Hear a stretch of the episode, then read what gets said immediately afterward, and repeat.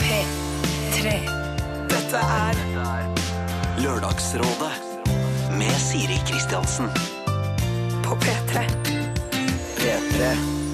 God morgen, du hører på Lørdagsrådet, og vi har allerede hørt eh, Calvin Harris sammen med Kelis og deres eh, Bounce. Jeg, Siri Kristiansen, er programleder her. Jeg har to barn, en samboer, men er per dags dato ikke gift. Og det har ingenting med å gjøre at jeg ikke er klar, for jeg er klar. Altså, jeg har klart eh, festen, hvor den skal være, hvem som skal komme, hvordan kjolen ser ut. Eh, tidspunktet, alt er på plass, bortsett fra da selve frieriet. Og det kommer en dag, altså. Det er vi helt enige om begge to. Det kommer. Enn så lenge så drømmer jeg. Eh, å gifte seg skal jo være en fantastisk dag for dere som gifter dere, og familien gjerne, og vennene rundt, og alle de som er så heldige å bli invitert. Men det er mye spekulasjoner og misnøye og agg i kulissene ofte. Hvorfor ble akkurat hun forlover? Må vi sette en hel helg for å dra til Kvitseid i et forbanna bryllup? Må tanter bli invitert? Hvorfor betaler ikke mamma bare alt? I dag så har vi fått en fortvilet mail fra et par. Han skal være forlover for sin beste venn, men dama han skal gifte seg med, er dama alle ville det skulle bli slutt med. Så han lurer på om han skal bare stille opp uten et knyst, eller bør han si ifra før det er for sent. Men før vi går eh, dit, så skal vi få et uh, lite tilbakeblikk på hvordan det har gått med en av eh, dere som har fått hjelp her fra Lørdagsrådet tidligere. Lørdagsrådet. På P3. P3. BJ Muri, eller Bjørn Johan Muri, som han jo heter, og hans Yes Man, som jeg helt ærlig og oppriktig må innrømme at er en av de kuleste sangene jeg vet om. Jeg blir så glad, spesielt når jeg kjører bil og hører den låta der. Eh, synger med. Eh, jeg tror jeg har skjønt nesten alle ordene i hele sangen, og det er ikke verst, bare det. Nok om det. For noen uker siden så sendte vi, altså vi i Lørdagsrådet, ei jente eh, fra Norge helt ned til New York for å treffe igjen en mann hun så vidt kjente fra Australia. Hun var redd. Ikke for å møte han, egentlig, men hun var livredd for å bli forelsket i gutten fra Australia. For hva om hun falt pladask for en fyr fra andre siden av kloden? Hun problematiserte hele deres mulige felles framtid. Heldigvis var Sigrid Bonde Tusvik her. Det var også Stian Blipp og ikke minst Jørgen Strikkert. Og de hadde noen veldig oppløftende og fine råd til den jenta. Svaret mitt er ja. Dra til New York. Go crazy. Hvis, ikke, hvis det er drit, gå hjem igjen. Det er ikke noe verre enn det. Og, eh, og eh, jeg har sett mange i Australia som jobber i bar her i Norge. Så det er bare å få det over. Skummelt er at han heter Gunnar og er fra Australia. Er Kjempeskummelt. Uansett om han hadde bodd i Bodø, så det, det, er nesten like dyrt å dra til Bodø hver helg eh, fordi du har møtt en jævlig fin fyr som også heter Gunnar, som også bor i Bodø. Ja. Eh, da hadde hun også blitt fattigmanns... Eh, men hun kunne dratt oftere opp til han, selvfølgelig. Selvfølgelig. Men det her er jo, må jo virkelig satse på å være litt dum når det gjelder kjærlighet. Man vet jo ikke hvordan dette slår ut, men, eh, men det ville man i hvert fall aldri få vite hvis man sitter hjemme med, sammen med disse venninnene og hører på dem.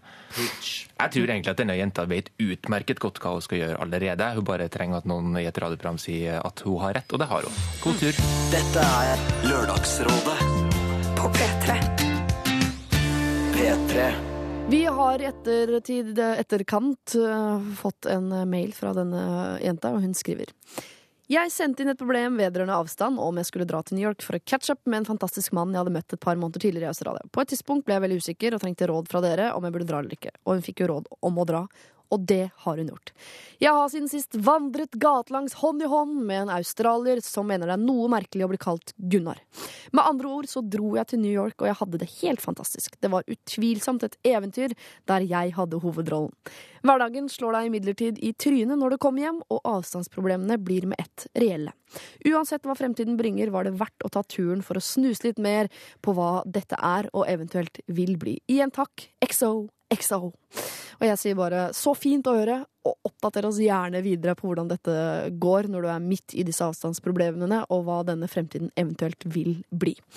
Og det gjelder dere andre også som har fått eh, råd. Hvis det har noe du vil oppdatere oss på, så send det gjerne inn til uh, lralfakrøll.nrk.no. Men nå er det tid for nye problemer, og ikke minst nye rådgivere. Vi kommer hvert øyeblikk til å sitte her sammen med sjølveste Christian Borch eh, fra Urix, er kanskje best kjent fra uh, nyhetene. Prisvinnende ankermann fra nyhetene, som bare blir penere og penere for hvert år som faller ned på hans eh, skuldre. Vi har også med oss uh, alltid så blide Silje Nordnes fra P3 Morgen, som er så glad i å være på radio at det er ikke nok med fem morgener på rad. Hun må ha med seg lørdagen også, og det får hun i dag. Og eh, så introduserer vi ny rådgiver. Og det er en fyr vi har prøvd å få med i Lørdagsrådet lenge, for han virker så himla klok. Mannen bak serier som eh, Taxi her på NRK, Ulrik Imtias Rolfsen. Han eh, har gitt ut en bok han, som heter Gass, som er fortsettelsen av Taxi, som jo rulla gikk på NRK. Og så får vi bare krysse fingra for at den boka også blir en serie som går til å rulle og gå her på NRK. Enn så lenge så er han rådgiver her i Lørdagsrådet nå hvert øyeblikk. Dette er Lørdagsrådet På P3. P3. Dream On har vi hørt, og låta Touch. Vi har også hørt Oslo S med låta Bislett eh, Stadion. Og nå er rådgiverne på plass. La meg presentere. Eh, Han er eh, vis, vakker. Du kjenner han som tidligere ankermann i nyhetene. Nå mer opptatt av utenriks. Christian Borch. God morgen. God morgen. Eh, Han er kul, kjekk. Du kjenner han bak serier som Taxi. Eh, God morgen, Ulrik Imtias Rolfsen. God morgen. Og hun er Er du nysgjerrig? Eh, hun er på, hun er pen, og du kjenner henne som stemmen fra P3 Morgen, Silje Reiten Nordnes. God morgen. God morgen. Skal vi ta en eh, Dette pleier vi å gjøre. Uh, og det er ikke noe sånn intimitetstyranni, men bare fordi vi skal gi råd til folk, og det er mye kjærlighet, så liker jeg å bare spørre uh, hvor man er i livet selv, sånn sivilstatusmessig. Vi begynner med deg, Silje, siden du er så på og åpen. På modig og utadvendt. Uh, jeg, er, jeg kan si at jeg er 28 år. Uh, Ja. Har eh, samboer, en jente som heter Camilla.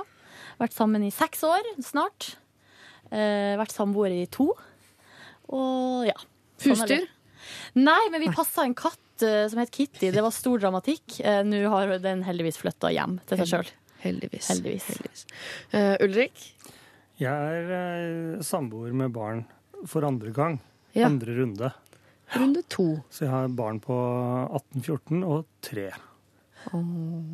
Er det vanskelig? Eller er, det, eh, er du sliten? Det er trassalder både oppe og nede. Ja. Eh, Åssen er det med deg, Kristian? Jeg mener å huske at du er eh, for runde to. Er lenge siden? Er ikke du over på runde fire eller noe sånt? jo, det, altså, ja. det kommer an på hvordan man teller, tror jeg, Ja. på en måte. Altså, jeg ble enkemann, ble gift på nytt, øh, ble skilt og er øh, på runde Jeg var- jeg er ikke helt sikker på hvilket rundenummer vi er oppi, men øh, godt i gang. Altså. Godt i gang. Ja. Har dere husdyr? Eh, en katt som eh, kom med forholdet.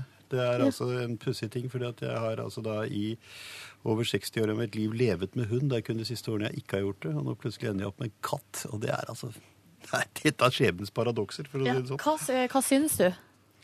Er du fornøyd? Ja, altså Etter et års eh, innarbeidelsesperiode har jeg begynt å forstå hva katter gjør, og hva katter tenker og hva katter mener. Men jeg, jeg begynte å få litt problemer, fordi at en av de første morgenene hvor jeg kommer ned i stuen, så er det altså en levende tross der inne. Den har da katten vært ute og hentet og sluppet den inn gjennom katteinngangen sin i verandadøren. Sluppet den og gått ut og jaktet videre. Holdt opp og der døra for trosten? trossen? Altså, nei, altså kattedøren sin, som Ja. liten greie, ikke sant, og dyttet den levende trossen inn. Og senere fikk jeg høre, altså, da kan katter bedre enn meg, at det er noe katten gjorde for å være hyggelig. For den skulle liksom da overlate til oss å få anledning til å drepe denne trosten selv. Og det var liksom en sånn gest i katteverden da, på en måte. Benyttet du deg av anledningen til å få drept en trost? Jeg føyk rundt i morgenkåpe og prøvde å jage det jævla dyret ut. Og tross til frokost. det skjet rundt i alle retninger og traff vinduet, og det var stor ståhei og forferdelig tragisk og grusomt. Det er- Klarer du å bli glad i denne katten? traume. Kommer du til å bli glad i katten? Jeg må jo det. Du må ikke det, sånn jeg også, nemlig komme meg inn i et forhold hvor du fulgte med en katt på kjøpet. Jeg har prøvd å overtale han til å avlive den lenge, og heldigvis så klarte jeg å få pressa ut en sønn som var allergisk.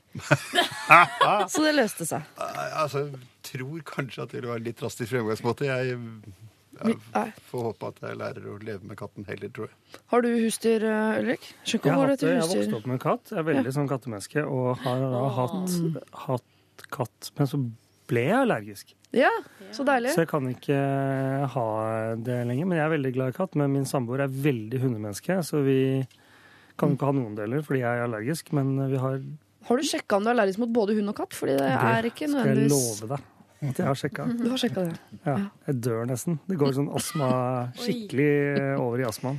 Du er nok med en unge i trassalderen. Altså. Du trenger ikke noe katt eller hund på toppen der. Tre unger i trassalderen. Tre i Jeg kan jo si at jeg har en hund som heter Tussi, men som, eller det er mamma sin hund, og det er også litt min.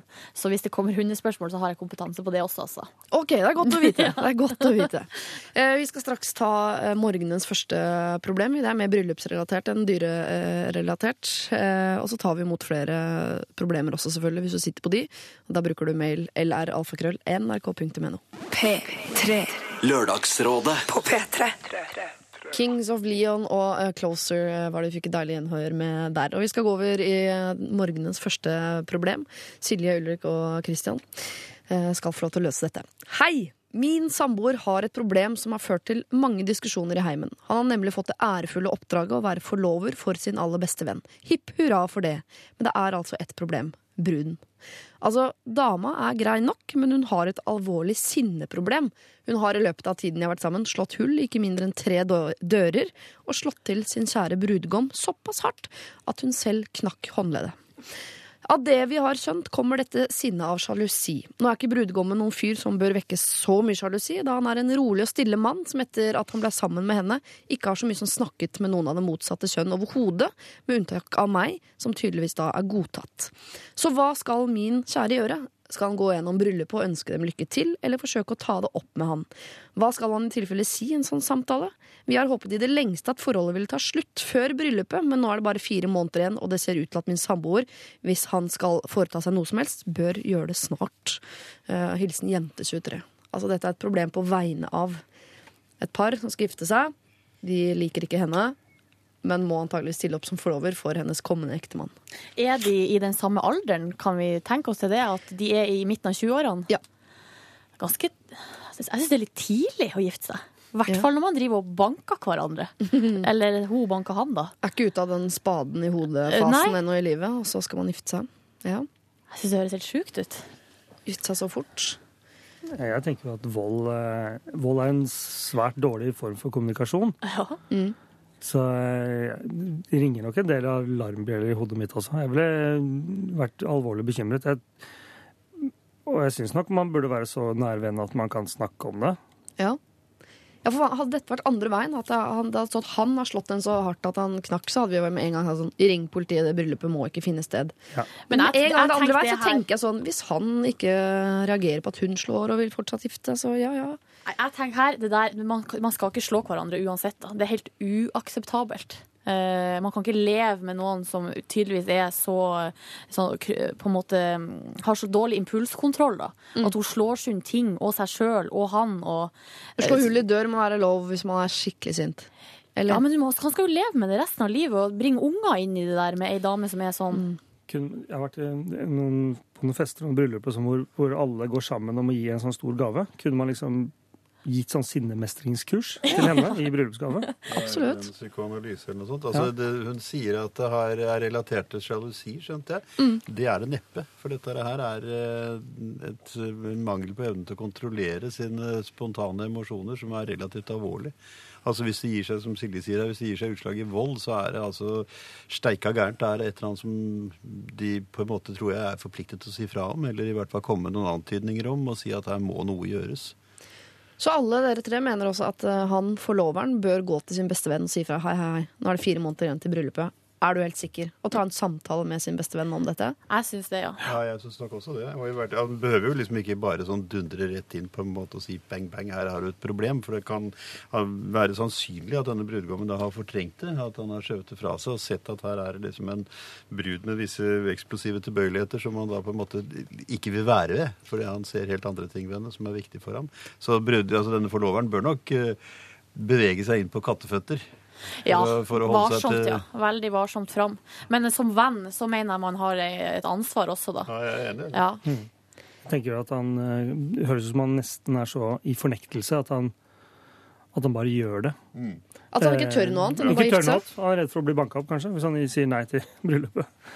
Uff, ja, så Dere tror rett og slett at hele bryllupet det er For det kan hende at han har valgt henne på tross av at han er en fyr som ikke er så imot, eh, imot vold som det vi er, og for så vidt samfunnet for øvrig, da. Men kanskje han liker en, syns det er litt spennende? Men det er jo der kanskje man må det må man jo i så Man må spørre, eller sånn om man kan tenke sjøl. For jeg syns det er helt merkelig å leve eh, Å ha en kompis som har blitt slått av kjæresten sin sånn at hun knakk håndleddet sitt, uten, altså, uten at man liksom snakker om det og sier sånn Hei, du, det der var jo kanskje litt rart. Du snudde jo på det i sted og sa hvis det hadde vært en jente som ble banka. Ja. og vi Ja, kjenner jo til at det er mange jenter som er i forhold hvor de blir slått, fordi man ikke klarer å komme seg ut av det. Og det kan man jo tenke seg her også. At han, han klarer rett og slett ikke å komme seg ut av det. Han vet ikke hvordan han skal gjøre det, eller si det, eller føle det. Mm. Og da trenger man å riste litt i han og hjelpe ham, da. Ja, det tror jeg, for da er du allerede i en relativt problematisk situasjon. Altså, Da er det på en måte et feil grunnlag. Og så Det er jo skamfullt òg, da. Så jeg kan se for meg at han kanskje skammer seg. Og da må man jo også si sånn Her er det jo hun som er helt ko-ko i hodet, det er jo ikke han. Eller sånn at han må jo ikke sitte og føle, føle skam, da. Hvis han gjør det. Jeg eh, hører at dere mener da at han bør ta den samtalen, men la oss si at utfallet av den samtalen er eh, at de velger gift seg likevel. Han vil ikke ha noe hjelp ut av det forholdet, han vil gifte seg. Skal han da eh, stille opp som forlover med en hyggelig tale til brud og brudgom, eh, skåle i glass og pynte seg og kjøre løpet helt ut, eller skal han fortsatt vise sin forakt mot dette litt skakkskjørte forholdet? Kan ikke gjøre det i forlovertalen. Nei. Han kan ikke stå der og si at uh, det er hyggelig å være invitert til en forlover, kjære venn. Vi har en god fremtid sammen. Jeg syns det er et helvete at du går inn i dette ekteskapet. Dette må du ikke gjøre. Men skål, gutten min. Det går ikke an å gjøre det. Altså Hvis han, Altså, han de først ta- seg, så må han, da må han eh, skru på Da må han støtte opp, men han må, han må jo først høre hva kompisen har å si, tenker jeg. Eller så kan han da si at eh, jeg syns ikke du skal gifte deg med henne, for hun banker deg. Eh, og hvis han da sier jeg vil gifte meg likevel, så sier han nei takk, da vil ikke jeg være forlover. Så han bør rett og slett Yes. Det går an å gjøre det òg, ja. Mm. For å vise at man mener alvor. Ja. Jeg er enig med dere, selv om jeg prøver å, å få dere til å tenke annerledes hele veien. Altså, så jeg, at jeg, jeg er jo selvfølgelig enig, jeg også. Jo, jo, men du er jo programleder. Du må jo det. Det er fint du minner meg på det, for jeg glemmer det du. Eh, Jente 23, jeg tror du skal eh, si til din kjæreste at den eh, samtalen den må han ta, for dette er ikke greit overhodet. Eh, hvis kompisen velger å gifte seg likevel, så syns vi rett og slett at han skal vurdere å trekke seg som eh, eh, forlover, eller i hvert fall være åpen på at det blir vanskelig for meg å skulle holde en hyggelig tale når jeg helt åpenlyst er imot dette giftermålet. Eh, men det kan jo være at den samtalen bringer fram noen klarerende punkter. At nei, hun knakk ikke håndleddet, det var vi Ja, lekeslåss, og jeg holdt en brødfjøl akkurat når hun slo. Altså, Man vet jo ikke. Det kan være eh, en liten katt som har blitt en kjempehund, dette her. Det vet vi ikke. Eh, lykke til. Den samtalen må i hvert fall finne sted. Lørdagsrådet med Siri Kristiansen. På P3. P3. Jonas Alaska har med den vakre stemmen sin sunget I Saw You Kid før Britney Spears kommer og ødelegger det hele, egentlig. Hun synger jo ikke pent på denne låta, men låta er kul, altså. Takket være Will I Am. Det var Scream and Shout. Eh, og det kan jeg si, for jeg er Britney-fan. Altså, jeg synes jo at når Britney sier 'Britney bitch', så er det, det er sånn popkulturelt fenomen eh, på topp fem hos meg. Ja, men Det er jo saksa ut av en annen låt Ja, ja. er veldig kul. Men når hun synger Man hører kanskje ikke før en man har hørt sangen engang, at hun synger falskt oppå det han synger i bakgrunnen der. Det er helt forferdelig. Popkulturell har jo- selverkjennelse, er det det? Ja, men det har jo blitt spekulert fa- Eller det var ei som det, I- ho, Eve, Artisten Eve var jo Ja. ute og slang med leppa og sa sånn Det her er jo ikke Britney engang. Det, altså det, Jo, jo. Ja, det er jo Britney. hun. Men uh, det var det hun sa etterpå, da. Det var ikke det jeg mente. Jeg mente at hun sang så jævla dårlig. Ja, men det gjør Ja. Jeg er helt enig. i. Vi står på. Ja. Helt enig. Ok, vi tar et eh, problem til, og i dag er rådgiverne her i Lørdagsrådet Det er eh, Christian Borch, som som vanlig når han er her sammen med oss, sitter og tegner nydelige tegninger på ta- Ja, men ikke vær flau, Christian. Ikke gjem deg. Og ikke se på tegningen er så Nei, det er noe med de der er med- vi skal si sånn. bli Men de er konfrontert, kjempefine! eh, bli konfrontert med sine egne rå reflekser. Jeg legger på det. Ja, det er veldig, veldig fint. Uh, Ulrik Imtias Rolfsen, du sitter mer helt i ro med hendene dine og virker veldig kontrollert uh, og til stede. og Silje, Ja. Jeg fniser at jeg du driver radio, ikke sant? Ja. Det er det du gjør. Eh, vi tar et litt kortere problem. Hei, takk for fantastisk program. Hva tenker dere om polygami? Jeg og min kone i tre år har snakket litt om det og tenker at det kunne vært fint å få inn en tredjeperson under taket. Men er det egentlig lov? Hvordan eh, kunne noe sånt fungert? Jonny fra Trøndelag. Det er vel ikke egentlig De kan ikke gå opp kirkegulvet, liksom. Eller gå ned på rådhuset og få på noe vielse, eller hva det heter. Nei, det kunne ikke, men det fins jo bokollektiv, så det er ingen som Ja, kan ja. reagere på at du flytter inn en ekstra dame. Det tror jeg ikke man kan. Nå tok du for gitt at det var en ekstra dame som skulle komme inn. Ja, det gjorde jeg faktisk. Det kan selvfølgelig være en mann, ja. Det Men det er også greit. Det har ikke noe å si, selvfølgelig. Men, Nei. Men eh, som du sier, det er ikke lov. Nei, det er ikke lov men, altså, å, å gjøre det formelt, men det er jo fullt lov å gjøre det sånn uformelt. Ja, er det ikke polygami er jo ikke lov, men å være tre stykker i et forhold, det er jo lov. Ja. ja. Men hva, kunne noe sånt fungert? er vel egentlig et mer interessant spørsmål, eh, Men hvem har kompetanse til å diskutere eller sånn? Da må man jo ha prøvd det. I, i min, eh, jeg håper å si, min fars kultur, da. Ja. Som, han, faren min er fra Pakistan, og der er det jo lovlig med polygami. Ja. Da har man lov til å ha fire koner. Og eh, av dem jeg har snakket med som måtte ha vært i nærheten av det, så er jo det et helvete. Det helvete, men fra kvinnenes eh, Eller fra ja, fra mannen? kvinnen og mannen og alt. men Det er jo tungvint. Ja. Det er fordi at eh, Der er det sånn at eh, du gifter deg én gang, og etterpå så kan du gifte deg flere ganger. Men da er det første kona må godta deg, og du må ha nok penger til å på en måte forsørge dem likt. Mm. Men første kone er jo da sjefen i huset. Mm. Det er klart hun lager et helvete for de yngre konene. De blir jo rett inn som slaver. Da, da må de vaske opp, for å si det sånn. Er det det vi kaller, kaller au pair her i Norge? Det kaller vi au pair i Norge. Ja, det, er jo, det, er jo, det varierer jo med kultur og det varierer med forutsetninger, så det er veldig vanskelig å gi generelle råd her. Men jeg husker jeg var på besøk hos en masai-stamme i- oppe sletten, høysletten i Kenya en gang. Og da spurte vi en mann, vi var inne i hytta, altså, liksom, hvor mange koner har du? Og så han litt sånn, tenkte seg litt om og tellet åpenbart etter i hodet, så sa han jeg, jeg har tre. Men så gikk det et lys opp for ham. Men jeg arbeider med den fjerde, sa han. Ivrig. Så vi ikke skulle tro at det var bare det, liksom. For han var litt skuffa? Det kommer litt, det kommer litt forskjellig ut, dette. her. Men polygami er et, eh, vel antagelig et slags juridisk begrep, tror jeg. Så hvis du snakker om polygami, så snakker du om å inngå ekteskap med flere, og det går ikke an i det norske eh, rettssamfunnet. Det er eh, ulovlig. Men hvis, det jo, altså, i enkelte kulturer så er det jo, har man jo gjort det her veldig lenge og hatt flere koner. Og så er det vel enkelte kulturer der de har flere menn òg, eller tar jeg feil? Noen få. Noen veldig, veldig få. Men hvis man har gjort det så lenge, så må det jo bety at det er et eller annet der som kanskje funker. Ja, men Jo. på hva da, hvis du, sier at det er et helvete både for altså- menn og kvinner, så er det da, er det praktiske hensyn. Det er Ja. flere om oppvasken, eller Kvekerne har jo hatt, eh, så vidt jeg husker, en form for flerkoneri, og der er poenget beskyttelse av kvinner, som ellers ikke har noe sted å være. Ingen inntekt, ingenting i det hele tatt. Så det er altså behov, poenget er rett og slett å gi dem en trygghet. Sysselsetting, på et vis. Ja, det, Ja. ja, ja. Ja, altså at de, de trenger beskyttelse av en mann, og det er for få menn for mange riktig. kvinner. Og det, de sier jo at uh, i, i gamle dager, da, da, da islam ble funnet opp på 1600-tallet, så var det da underskudd på menn pga. kriger. Og da trengte man uh, flere kvinner per mann for å, ha, liksom, for, å ha, for å få dem beskyttet, rett og slett. Altså, Vi ser på eh, single mennesker på samme måte som vi ser på arbeidsledighet. Vi må få det ned. Altså, det, vi kan ikke ha så høy prosent eh, av singelhet i samfunnet. Men det er det de må prøve i Kina, for at der er det jo uh, Jeg tror det var et underskudd på 50 millioner uh, kvinner. Altså sånn, De er 50 millioner flere menn enn jenter. Sånn at det er en er helt sånn, det er sånn egen gjeng med desperate gutter i Kina nå som bare som ikke får seg noe. Fordi det er for få jenter.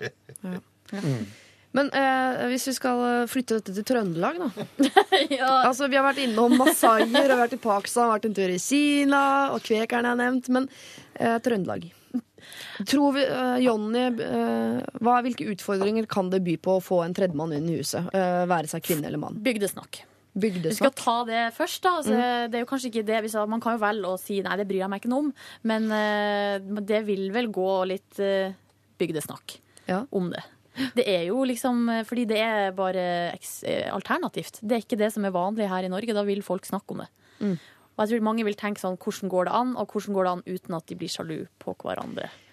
Ja, fordi det er jo, Noen sier at de ikke er sjalu, men fins det mennesker som er så lite sjalu at de syns det er helt greit sånn Ja, der går mannen min inn på soverommet med kone nummer to. Ja, ja, ja. Kos dere, dere! Jeg Sitt setter over teen! Si ifra når dere er ferdige. Sitt der ute og se på Grace Anatomy. Ja.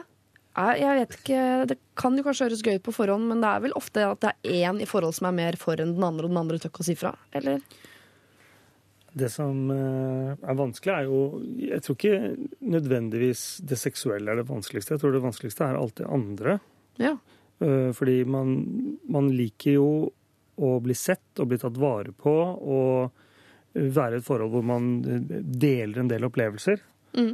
Eh, og jeg tror i, det lengste at det er det som er vanskelig. At eh, man blir sjalu ikke bare på sexen nødvendigvis, men liksom hun fikk det, og jeg fikk ikke det, og jeg fikk ikke, jeg, hun fikk en halvtime, og jeg fikk bare et kvarter. Og, liksom alt, oppmerksomheten. Mm. Plutselig blir den ene gravid, kanskje, hvis det er to damer. Får masse oppmerksomhet, støtte. Ikke blir begge gravide. Altså, Da blir du et helsikes leven med hormoner og greier. da må du få enda en kone. Som kan passe på. Ja. Mm. Jeg lurer på om dette er noe sånn som man kan eh, holde på litt med når man går på folkehøyskole. Litt sånn være sammen med både den og den og holde på litt rundt. Og så når man slår seg til ro og begynner å bli voksen, så tror jeg kanskje man skal bare gå sammen jo to og to, og ikke i grupper, altså. Det går sikkert an, men man må så- være sjukt trygg på seg sjøl, tror jeg. Og på Ja. forholdet. Så Jonny fra Trøndelag, mulig dette høres veldig bra ut for deg, men jeg hadde tatt ganske mange runder på om dette er 100 greit for begge to. Og du skal være klar over det økonomiske, må nevnes. Bygdesnakket må du være eh, klar over. Og også erfaringen som vi henter også fra eh, faren til Ulrik her, at eh, det er et helvete for både han og henne når det er flere med i, i spillet. Så det kan du jo tenke litt på, da. Eh, Vi tar imot flere problemer til Lørdagsrådet. I dag tar vi jo helt tydelig for oss eh, alt. Eh, lr.alfakrøll.nrk.no. P3. Dette er Lørdagsrådet med Siri Kristiansen. Nelly Furtado var det godt å høre igjen. All Good Things sang hun. Og jeg håper jo selvfølgelig at Nelly Furtado snart kommer med noe mer musikk, nå som Justin har gjort det. Så hvorfor ikke, Nelly?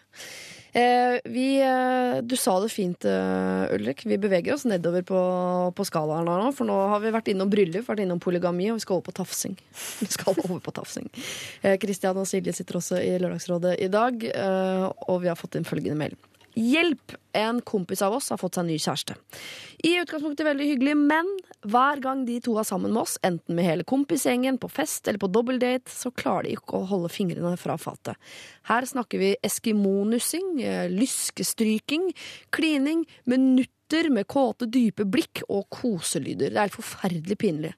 Samtalen går i stå, og alle skulle ønske at de var et annet sted. De har overhodet ingen hemninger, og ikke nok med det, men ingen blir, eller ønsker å bli, kjent med dama til kompisen vår, da hele situasjonen er så utrolig klein bestandig. Så hva gjør vi? Hilsen rødmende tilskuer. Offentlig tafsing. Hva tenker vi om det? Hvor gamle er de, lurer jeg på. Ja, det står ikke, men eh, jeg, jeg føler Tidlig 20-årene. Ja. Tidlig 20. Gjette.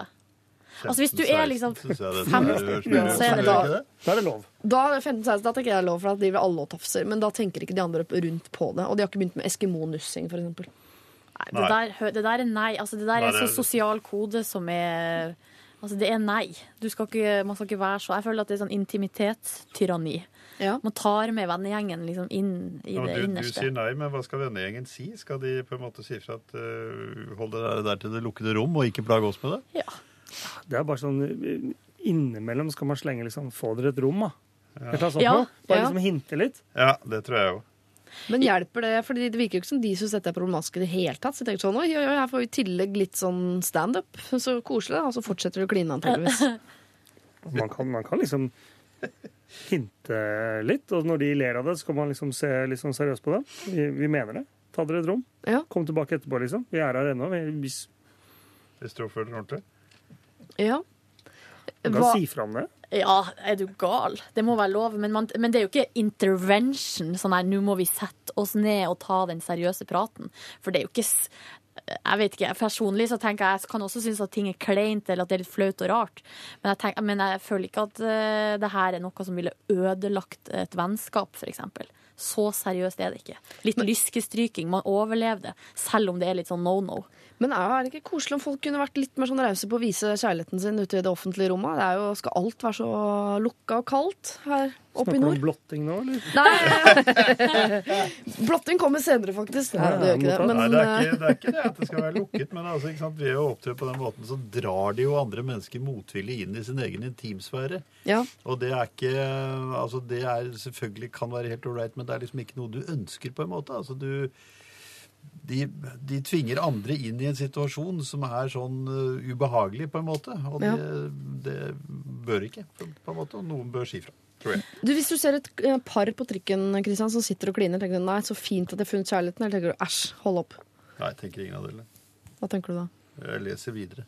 Men jeg tenker sånn, for det, jeg, jeg kan synes at det er kjempesøtt å se par som, eh, som der det er helt tydelig at de er glad i hverandre, og sånn, og kanskje kliner litt eller holder i hendene og stryker på hverandre. og sånn.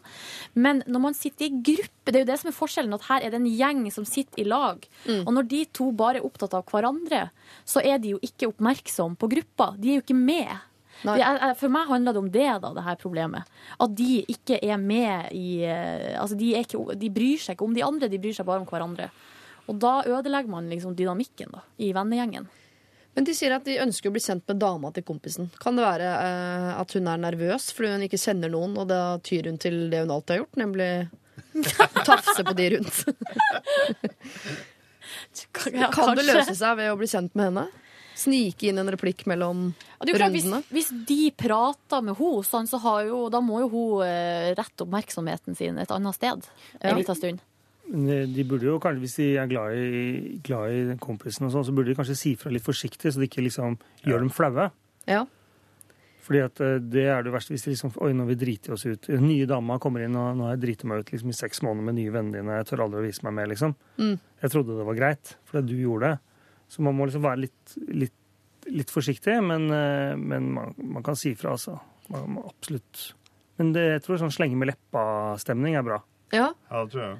Så mitt neste forslag om at alle er skal reise seg opp direkte- unisont og gå ut av rommet, det Nei.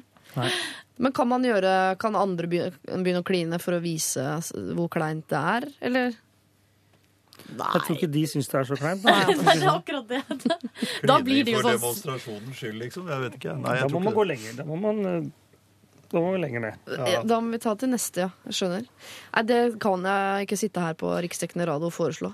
Jeg lurer på, rødmende tilskuer, om uh, dere må slenge noen sånne småkommentarer. Uh, skaff dere et rom-type Ja. kommentar. Hey, get a room! Ja, Men ikke le etterpå. Altså, Hold blikket seriøst og vær alvorlig på det. Det det må ikke være rom for noe latter etter den replikken. Litt sånn subtile virkemidler også. ikke sant? Skal vi gå, for eksempel? Ja, så det. Forstyrrer vi? Små, Små litt hint. frekke hint, men ut, veldig viktig. Ikke noe latter etterpå. Det må være blodseriøst. Det må leveres i alvor, disse små replikkene. Det kan jo bli morsomt etter hvert, det der, da. Med de små replikkene, Ja, ja. Jeg ser at det blir en intern humor her uh, fort. Det utvikla seg. Lørdagsrådet På P3. P3 Kaizers Orkestra, 'Tusen dråper eh, regn', og før det også Carpe Diem og deres Jens, har vi hørt. Eh, Vi har fått inn eh, noen meldinger til dere, eh, rådgivere, i dag. Og jeg tenkte vi skulle begynne med deg, Silje. OK. P3 Morgens egen lille Silje. Ja. Eh, og dette regner jeg med at blir spurt om, fordi du oppfattes jo som en ekstremt lykkelig sjel. Altså, du smiler hele tiden. Ja. Og virker som en glad, glad jente. Eh, men da er det en som lurer på hva som gjør deg skikkelig sint. Jeg tipper det er et spørsmål du kanskje har fått før. Å, men det er vanskelig, føler jeg. Eh, Du må ikke si sånn urettferdighet i verden og sånn. Det er lov å si sånn når det ikke er parkeringsplasser på NRK. Det er lov. Åh, men jeg bare må tenke så jeg kommer på et, eh, et bra eksempel. Fordi at jeg kan bli sint, altså. Ja. Og skikkelig eksplosiv. Ja. På en måte. Eh, Men det, går, det kommer jo fort, og så går det fort bort igjen. Har du noen gang slått kjæresten din og du har knekt håndleddet? Nei. Nei. Nei, men jeg har jo eh, For eksempel så er jeg jo sterk motstander av at man skal legge seg sint. Det er jo litt sånn klisjéaktig, men det gjør vi aldri. Eh, men eh, hun har jo prøvd seg på det en gang, men da eh, tror jeg jeg eh, Da reiv jeg dyna av og kasta den gjennom rommet og sa sånn Nå må du se på meg! Eller sånn, ja. Så jeg kan bli sånn, da. Hvorfor var du så sint, da? Nei, da tror jeg, jeg husker ikke. Eh, bare fordi at hun ville legge seg, og at jeg skulle da liksom legge meg en annen plass. Det var helt uaktuelt. Selvfølgelig. Man legger seg ikke en annen plass. Men, eh, men ellers så er blir du aldri sånn Jeg, blir sint, jeg kan bli sint over for kjempesmå eh, eh, ting. Jeg husker en gang på i sikkerhetskontrollen i Bodø. Ja. Så eh, du vet, man må jo ta eh, Ikke bli sint nå. Nei. Det er over. man ta de posene ikke sant, med parfyme og sånn eh, ræl, altså væske, Ja. og legge oppi en sånn liten plastboks, send det gjennom. Da hva skjedde det at idet boksen kom ut på andre sida, og jeg skulle ta jakka mi, så datt den lille plastposen på gulvet, sånn at parfymen min knustes. Og da, i det øyeblikket der, så kunne jeg ha Altså hvis det hadde vært en representant for Avinor til stede, så hadde jeg klikka! Fordi da var det ikke min feil at den parfymen datt i Altså, den knustes jo, det kosta 400-500 kroner. Men så feil var det da? Var det ikke du som plukket opp jakken din? Jo, selvfølgelig. Men altså, jeg følte at det var liksom systemet med at man må legge væske i en liten pose. Ja. Kunne jeg ikke bare hatt? Altså sånn, ja. Ja. Bitte, bitte, bitte små ting. Mm. Da var jeg litt frekk mot han eh, mannen som sto i eh, skranka der.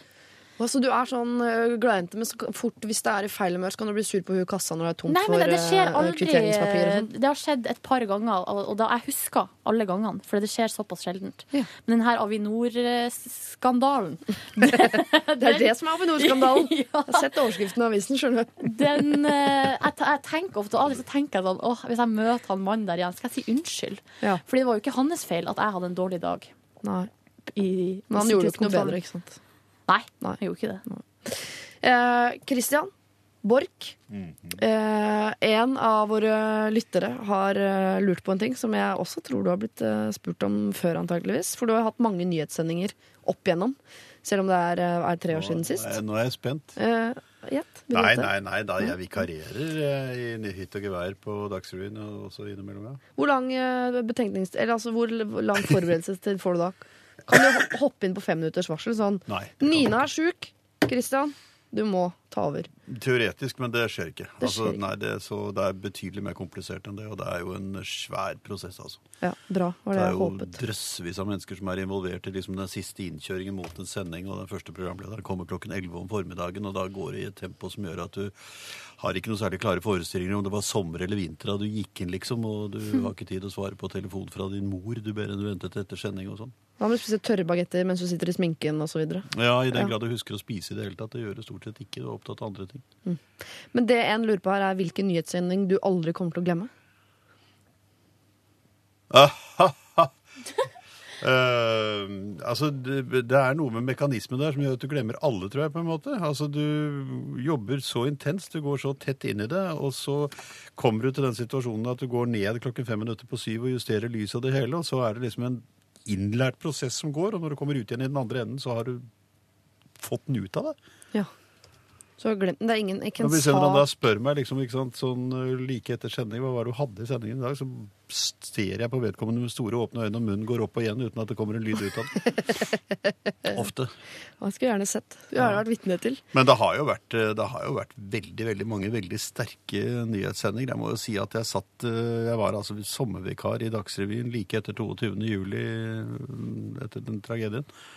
Og det var et rått løp. Altså det var emosjonelt sett eh, helt ubeskrivelig nesten, fordi det var en ikke sant, Det var, var handlinger som vi ikke hadde noen referanseramme for. Du var nødt til å prøve å begripe hva det var du satt og snakket om, og det var fryktelig vanskelig. Gråt du da? Ja, det tror jeg jeg gjorde. På TV. Det tror jeg sikkert også. Ja, For det skjer ofte. Ja, for det Faktisk, etterlyser jeg nesten. Hm? Det etterlyser jeg. At må skje. Eh, at eh, nyhetsankere gråter litt grann på TV. For det er så grusomme saker innimellom. Jeg tenker, Hvordan kan man Jo, stå altså- midt oppi det og være normalt Du menneske? kan, ikke, du kan ikke formidle en nyhet uten å være delaktig i den og være inni den. Altså, Du kan ikke bare forholde deg til en tekst og la det som står mellom linjene være usagt. Du må være inne i det. Det må komme frem på en måte. Du må ikke fake det. Du må, ikke sant? En god skuespiller spiller ikke, en god skuespiller er. Og du, du er ikke skuespiller, men du er. Altså, Du er til stede i det. Det er derfor du har vunnet priser, eh, Christian Borch. Nei, det vet jeg ikke. Jo, jeg tror jeg. Ulrik, et spørsmål til deg eh, her også, eh, som er veldig i fin tråd med det vi har snakket om tidligere i dag. Eh, hvis du skulle gifte deg, det kan jo godt hende du har gjort det allerede, eh, blir bryllupet mest tradisjonelt mot eh, norsk eller pakistansk? eh? Ja, det er veldig enkelt. Det blir nok mest tradisjonelt mot norsk. Ja. Vil du ikke hente inn noe elementer, f.eks. det der med at det foregår i dagevis? Kunne jo vært ålreit. De gjør Da- jo det oppe i Finnmark. Dagevis er, er greit. Ehm, Det er nok fordi at jeg lever mest i den norske kulturen. Men eh, jeg har vokst opp eh, Jeg vokste opp hos moren min, som da var svært imot ekteskapet. Da, da hun fikk meg med min far, så hadde hun akkurat kommet seg ut av et ekteskap med en fyr som hadde banka henne i mange år. Og så treffer hun min far og blir kjæreste med han, og han er jo da i et arrangert ekteskap. Og han har ikke noe spesielt godt å si om det. Nei. Og hun har ikke noe spesielt godt å si om ekteskapet. Så jeg har liksom blitt flasket opp på ekteskapsfiendtlige kommentarer eh, både her og der. Så jeg har et, et lite romantisk forhold til ekteskap, kan man si. Så mitt oppfølgingsspørsmål som egentlig skulle være hvorfor gifter du deg ikke, det lar jeg bare ligge. Eh, Men hvis det skulle skje liksom, på slump, da, så hadde det vært mer i, i norsk format enn det pakistanske formatet. Det vil jeg tro. Det vil jeg tro. Eh, Jeg har vært i, i begge typer bryllup, og jeg syns de norske bryllupene er eh, ofte my, nei, mye mer sjarmerende. Og jeg, blir, jeg syns det er romantisk med ekteskap. Jeg Har syns det innimellom, må innrømme det. Eh, Sånn, eller ikke med ekteskap, med bryllup. Ja. Ekteskap er noe annet. Bryllup er en fest. Ekteskap er ikke romantisk. Ekteskap er være. fyllesjuka etter eh, festen. Eh, fortsett å eh, Spørsmålet er ikke vits å sende inn lenger, for der føler jeg vi har tatt det Det føler jeg vi har vært gjennom. Men du kan sende inn eh, problemer til oss.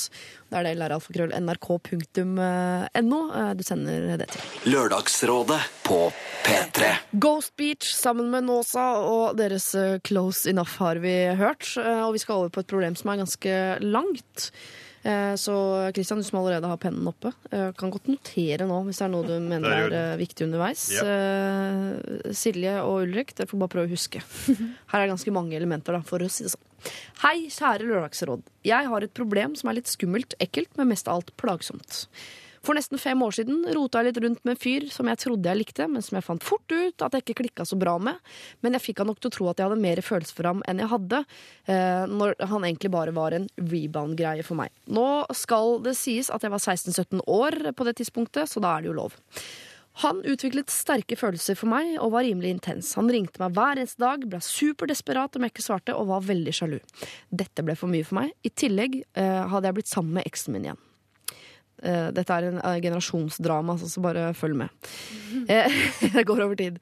Jeg sa tydelig fra den gang om at jeg ønsket ingen kontakt med han, og at vi to var et tilbakelagt kapittel. Nå har det gått fem år, og han lar meg fortsatt ikke være i fred.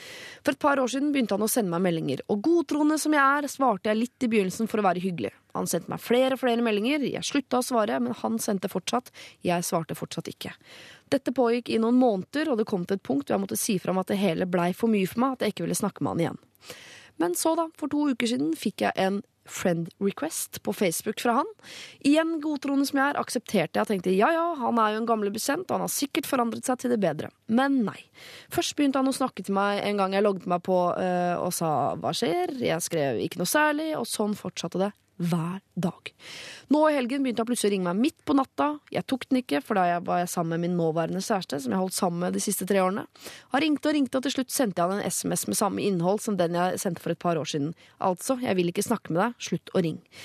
Jeg sa også fra til kjæresten min nå om denne creepy stalkeren eh, som jeg klina med et par ganger da jeg var 16. Jeg slettet han fra Facebook også, men hvordan får jeg han til å forstå eh, at jeg godt kan være en bekjent uten at han eh, skal være ekkel og plagsom mot meg. Hilsen engstelig jente på 22.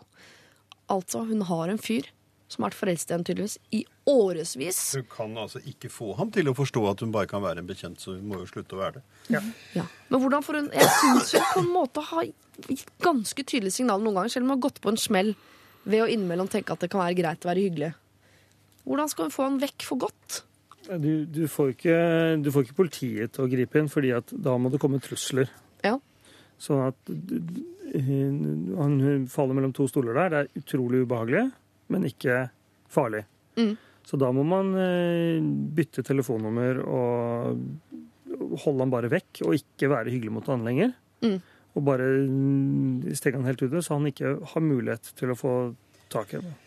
Og dukker han opp på døra og banker på, og sånn, så ringer man politiet. Men før det så bare slutt å ha kontakt med han på noe som helst måte, Mm. og bytt telefonnummer.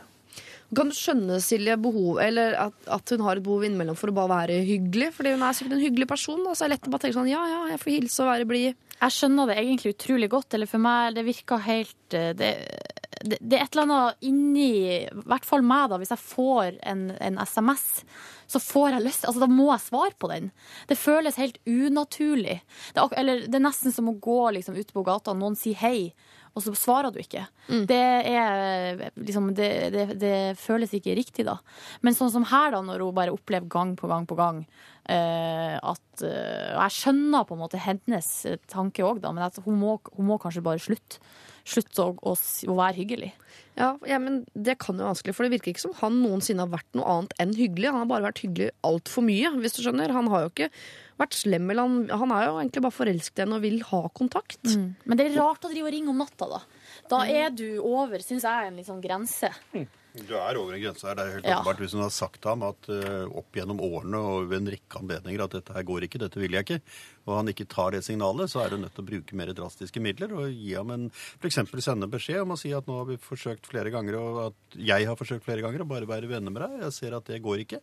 Og nå må du la meg være i fred, for dette går over alle stokk og stein, og jeg vil ikke ha noe mer med deg å gjøre. Det må du enten akseptere, eller så må jeg gjøre noe drastisk. Hva er da det drastiske, hvis han ikke aksepterer den? Ja, Det er som, eh, som du sier her, at han eh, altså må skifte Hun må skifte telefonnummer eventuelt, og, og Og blokkere han fra Facebook, sånne type ting. Den type ting. Ja. Ja. Kan hun, for jeg, jeg, jeg ville, hvis det var meg, så ville jeg, jeg hadde slitt med å skifte telefonnummer. For det er mitt telefonnummer. Det er det alle som kjenner meg, har. At jeg må gjøre om på mitt liv fordi det er en, en i periferien der som plager meg. Så vidt jeg vet, så kan du blokkere nummer òg. Eh, at, nummer, ok, det kan du. Ja, at du kan si 'det her nummeret skal ikke nå igjennom til meg'. Eh, det er kanskje det letteste. Altså, Jeg har en fyr som ringer meg i hytt og gevær til alle døgnets tider og skal diskutere ting, og det gjør han da ved at han holder da en monolog som varer i ca. 20 minutter, hvor det er umulig å trenge inn. Og han har jeg nå lagt inn i min, eh, mitt telefonregister, ikke sant? Altså i den interne telefonkatalogen min, og han heter der 'ikke ta' tre utropstegn med store bokstaver. Og det virker faktisk ganske effektivt. Og dette burde jeg jo ikke si. Jo da.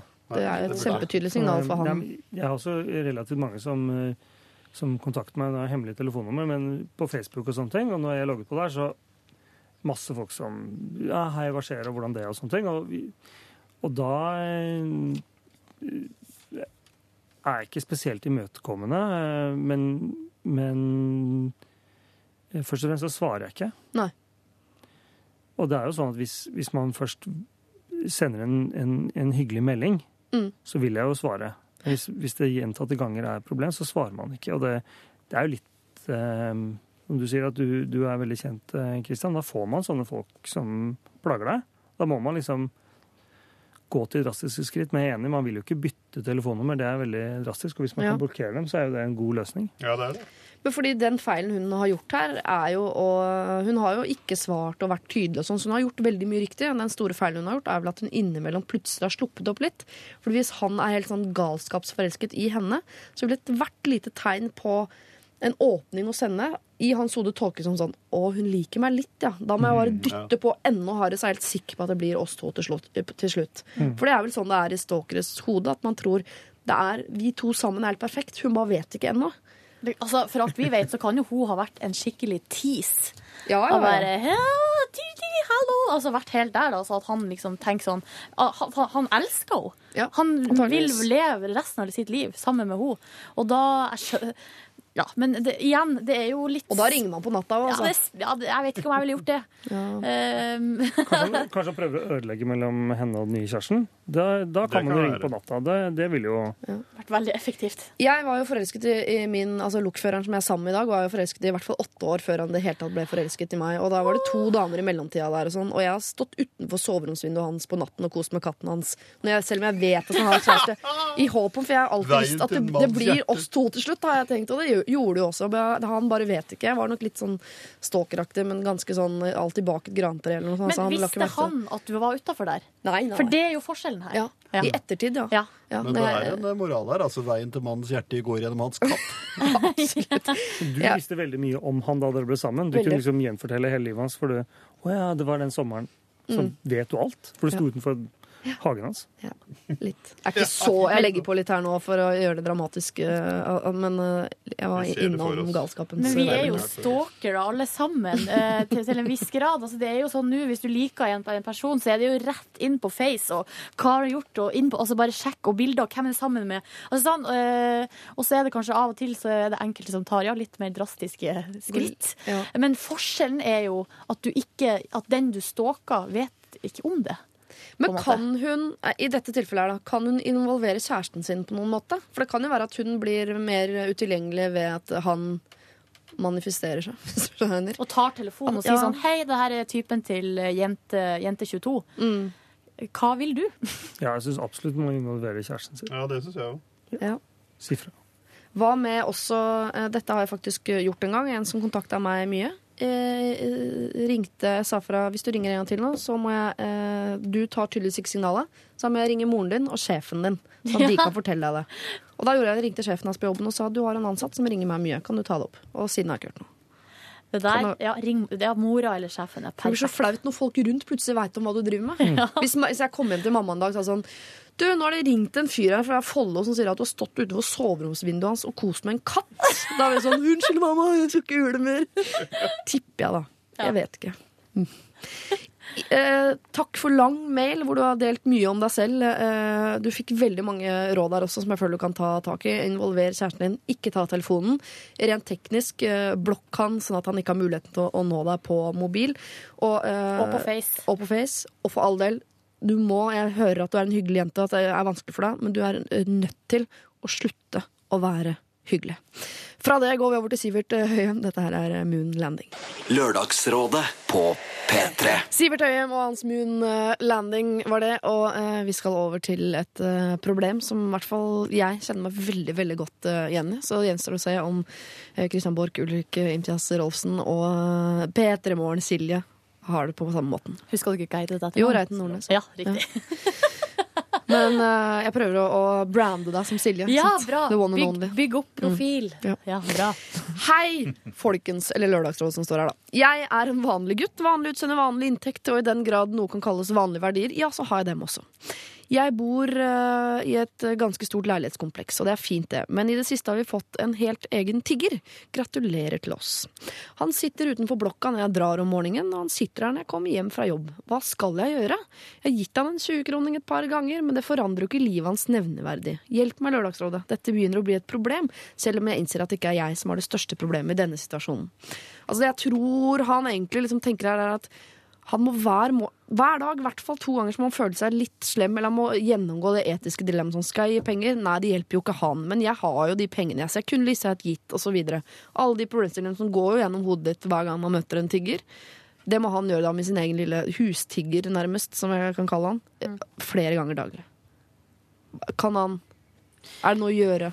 Altså, først og fremst så burde han kanskje ta en prat med denne tiggeren og si hei. Hvem er du? Eh, hva er din historie? Hvorfor sitter du her? Eh, det, jeg, det må jo være første skritt. Han kan, for han kan, han vet, vet, man vet jo ingenting om det her mennesket som sitter. Det hjelper jo ikke noe egentlig å gi en 20-kroning hver dag. Sånn egentlig. Kan jo hende at han har eh, noen andre problemer som det går an å hjelpe med Ja. oversett noe, eller hjelp å ta en telefon.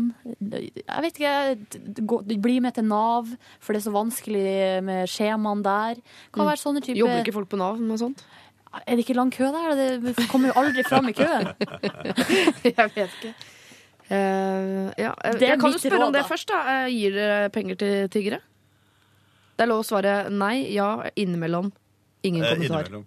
Innimellom. Jeg gir penger til tiggere når jeg ser at det er troverdig. Jeg gir ikke penger til tiggere som åpenbart er profesjonelle, og som har lært teknikken. Jeg var eh, konfrontert med dette her i London, hvor det plutselig oppsto et enormt tiggerproblem, og hvor man avslørte at en god del av tiggerne som satt i gatene rundt omkring ikke sant, ved Marble der omkring, var folk som tilhørte et syndikat, hvor det satt bakmenn i Bucuresti og andre steder og hentet inn store gevinster på dette her.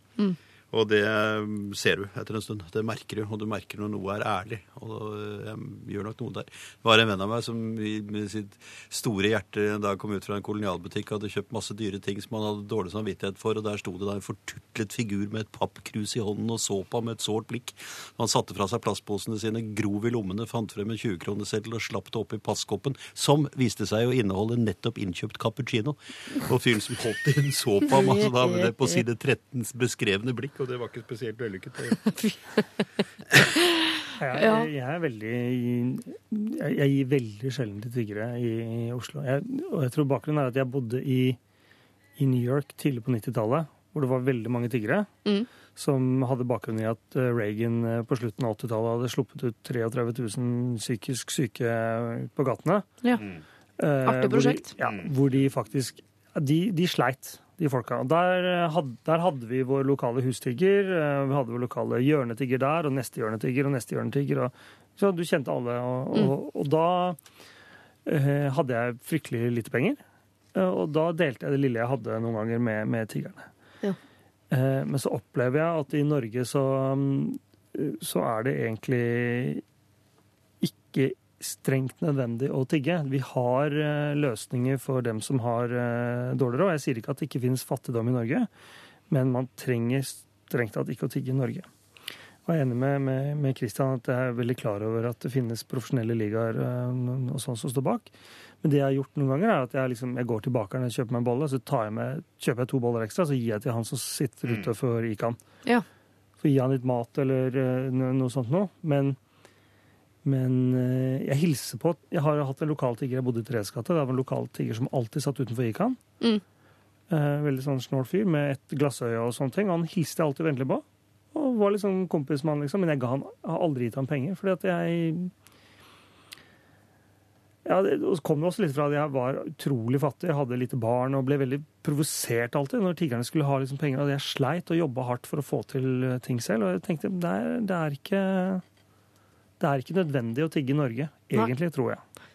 Men kan det være et råd til han som sender inn her? Fordi det han sliter med, er antageligvis samvittigheten sin hver dag. For han vet, han kunne sikkert ha gitt litt, men så samtidig er det, så tenker han som dere at Uh, han trenger vel egentlig ikke å tigge. Han går sikkert gjennom alle disse tankene oppi hodet sitt og lurer på liksom hva han skal lande på. Og da kan han gjøre som du åpner med, Silje, og rett og slett ta en samtale med han og si sånn Vet du hva, jeg, jeg kan ikke gi deg penger hver eneste dag og sånn, men det jeg kan, er at når jeg lager meg frokost om morgenen, kan jeg godt smøre en brødskive ekstra. Kan det være noe for deg? Ja, sånne litt sånn praktiske løsninger kan være hyggelig. Altså, kanskje han trenger litt oppmerksomhet. Kanskje han syns det er hyggelig å prate med at ikke folk bare går forbi han og ser på han som et null. Og, Mm. eh, at, ikke sant, det er sånne ting. For det, er, fikk er, sånn eh, dette er, tror jeg Ulrik har et veldig vesentlig poeng, for dette er jo, vi skal aldri glemme at det er mennesker. Ja, Og jeg tror det der å kommunisere og ikke bare liksom gå forbi med nesa i været og late som man ikke har sett dem, Ja. er, eh, det er liksom det motsatte av å gi, på en måte, for det er en negativ avvisning, og det tror jeg det vil i hvert fall være veldig i strid med min måte å reagere på. Mm. Og jeg tror de menneskene som er der, det er jo mennesker med følelser, det er mennesker med akkurat de samme rettigheter som vi alle har, og de skal møtes. Det tror jeg er et viktig poeng, altså. Det kan være like mye verdt det som en tier. Ja. Så hils på han, vær hyggelig, eh, se han. Og spør Innled gjerne en samtale, og eh, kjøp med en ekstra bolle fra Ica, eller smør en eh, brødskive ekstra på morgenen, og ta med det eh, ned. Så jeg er helt sikker på at samvittigheten din blir bedre. Den der dårlige samvittigheten og den der kleinheten, det må vi bare komme over. Ja. Enten så gir du, eller så gir du ikke. Og så kan du se folk inn i øynene og, og helse. Eller hvis du ser et menneske hver dag, så er det naturlig å helse. Ja. Det kan man gjøre, liksom.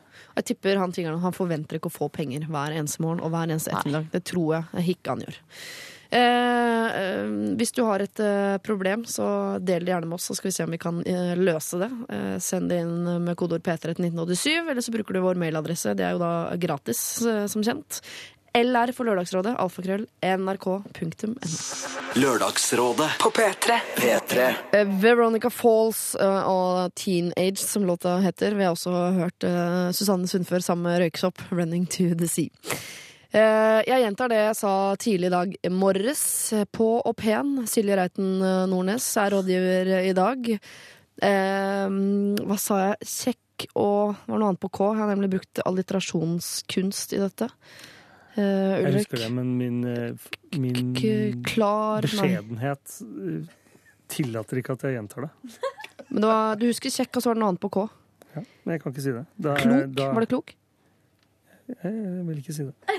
Dere får podkaste. Jeg tror du er klok og kjekk. Og så var det Christian Borch var pen, nei, vakker og vis. Hvit? Vis. og vis. Vil. vis. Du er hvit også. I håret. Blitt. Med alderen. Men det er fint. Dere skal få et problem her i Lørdagsrådet. Dere har fått opptil flere tidligere i dag også, men her kommer et, eh, et til. Hei, jeg er en student som bor i et trivelig kollektiv med tre andre jenter. To av romkameratene mine er jeg veldig god venninne med, og vi trives i hverandres selskap. En av disse, jeg velger å kalle henne romkamerat nummer én, har hatt kjæreste en stund. Dette syns jeg er kjempekoselig, og syns han er en trivelig type. Men det har ført til at eh, kjæresten hennes praktisk talt bor her. Jeg merker at jeg begynner å bli ekstremt lei av at han er her hele tiden. Små ting som at badet er opptatt, de breier seg ut på sofaen hver kveld osv. irriterer meg ganske mye. Og det har blitt til at jeg for det meste er inne på rommet mitt når de er hjemme, som er ganske ofte. Jeg har lyst til å forklare situasjonen min for eh, henne, men jeg er veldig redd for at hun kommer til å mistolke det jeg prøver å si, og lese en slags undertekst som ikke er der. For jeg liker kjæresten hennes godt, men selv om man liker personer, så betyr det ikke at man vil bo sammen med dem. Jeg syns ikke det er verdt å verken lage en klein situasjon ut av dette, eller sette en knute på vennskapet. Ehm, uh, burde jeg si noe, eller burde jeg holde kjeft? Dette er et klassisk problem, og det er, helt, det er som at enkelte ikke har fått med seg at hockeyhår er ut. Altså at man ikke skjønner når man bor i bokollektiv at idet du får deg kjæreste, så skal ikke kjæresten bo i bokollektivet. Fordi per definisjon så vil alle de andre du bor i leilighet sammen med, synes at du og kjæresten din er to duster på sikt. Men allikevel så dukker det et problem opp hele tiden. Og ja, da spør jeg dere som har spurt mange andre rådgivere før, hva syns dere? Burde hun si noe til eh, bo, altså romvenninnen sin?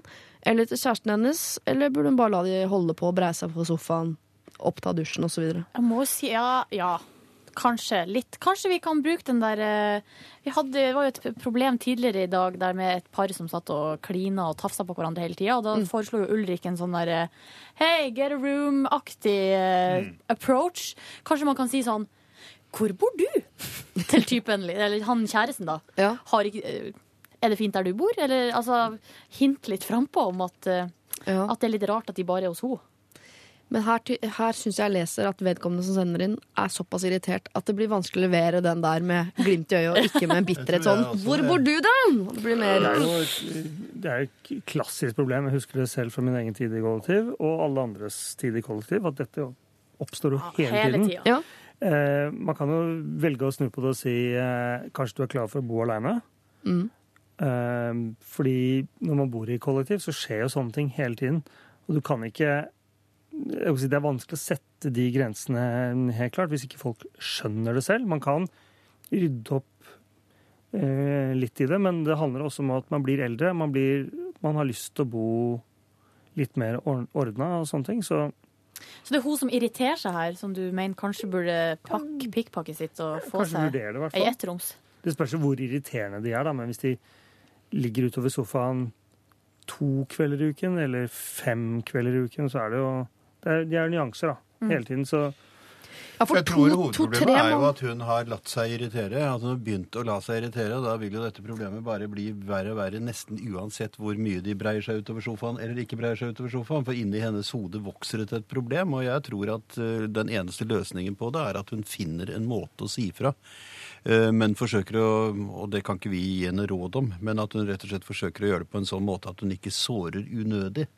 At hun kan altså finne en måte å antyde dette på og si at her er det liksom noe som ikke er sånn som det en gang var, eller som det skulle være, eller som det forutsetningsvis må være, så kanskje vi kan vurdere det. Altså det, det er umulig å si nøyaktig hvordan hun skal si dette, for det må hun uh, lukte seg frem til, føle seg frem til. Men det er helt åpenbart at hun må ut av situasjonen, og hun må gjøre noe med den på et eller annet sett og vis, for hun kan ikke bare fortsette å la denne misnøyen vokse.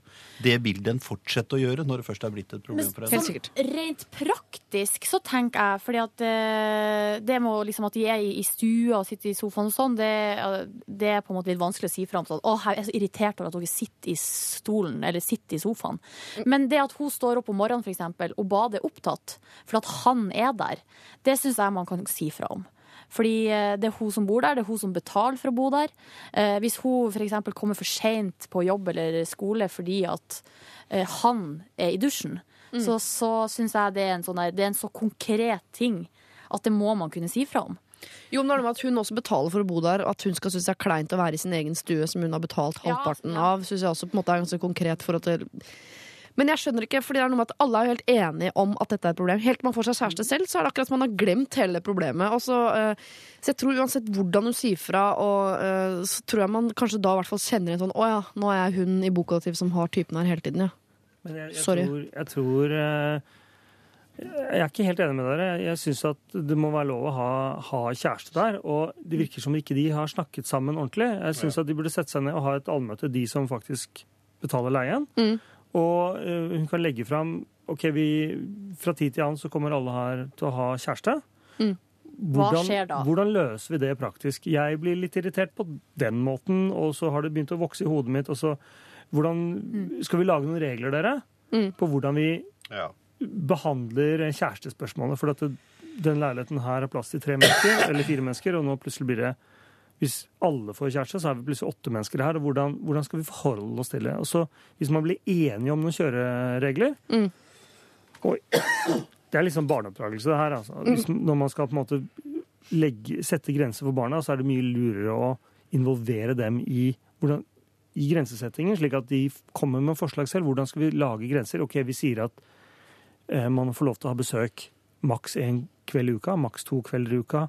Eh, skal vi bli enige om sånne ting? Skal vi også, For da er det mye lettere å si fra etterpå, for da, hvis man bryter de reglene, så har man jo brutt reglene. Han kan nærmest bare peke på kjøleskapet og si sånn hei, hei, hei, nummer fire. Ja. I det, for det er jo et eller annet rart her, for at, det, at du sier jo det, program, det problemet er så tilbakevendende. Hvorfor er det ingen som lager liksom, de kjørereglene, når det alltid kommer? Men hvis man Ja. lager kjørereglene på forhånd før noen i det hele tatt har fått seg kjæreste, Ja. tror dere ikke da at den som får seg kjæreste først, bare glemmer de reglene i forelskelsens rus? Ja, men da er du jo, har du jo null sosial intelligens. Og da Men det må har man ikke ha når man er lov- Jo, man, det burde man ha. Jo da. Man må skjerpe seg. og, I det siste kollektivet jeg bodde i, da var vi ganske voksne, egentlig alle sammen. Eller vi var, hadde i hvert fall nærma oss 25. og da, eh, da var det en, eh, ei som hadde kjæreste, som, og han hadde en måned uten noe annen bolig. Hun spurte kan han flytte inn her. Ja, men da skal han betale. Ja. Ferdig med den saken.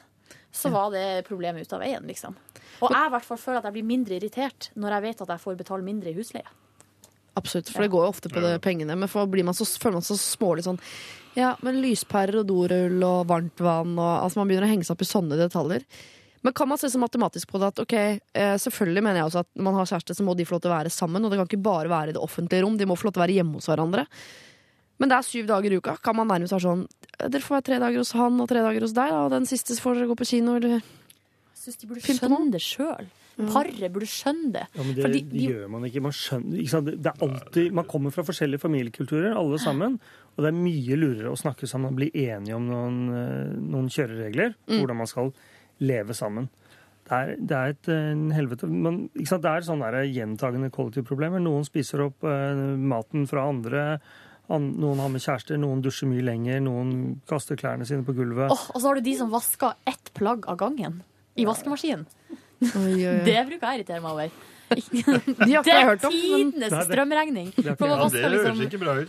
Nei, Så det det er, det er, man må rett og slett eh, prate sammen, tror jeg, og bli enige om regler. Jeg tror Ulrik har et helt avgjørende poeng her. fordi at da får du, så har du skapt et felles regelverk som ikke knytter seg direkte til personer og situasjoner. Da er det liksom ikke sant, en sånn global greie, og det tror jeg er riktig. Jobbet en gang i et, eh, med internkommunikasjon for et stort, stort konsern. Mm. Og de hadde eh, masse regler hvordan man skulle oppføre seg sånn eh, sammen, og, og også ikke bryte regler som var direkte farlig, for sånn HMS-regler. Og de hadde en måte å si fra på Mm. som var rett og slett grønt, gult og rødt kort.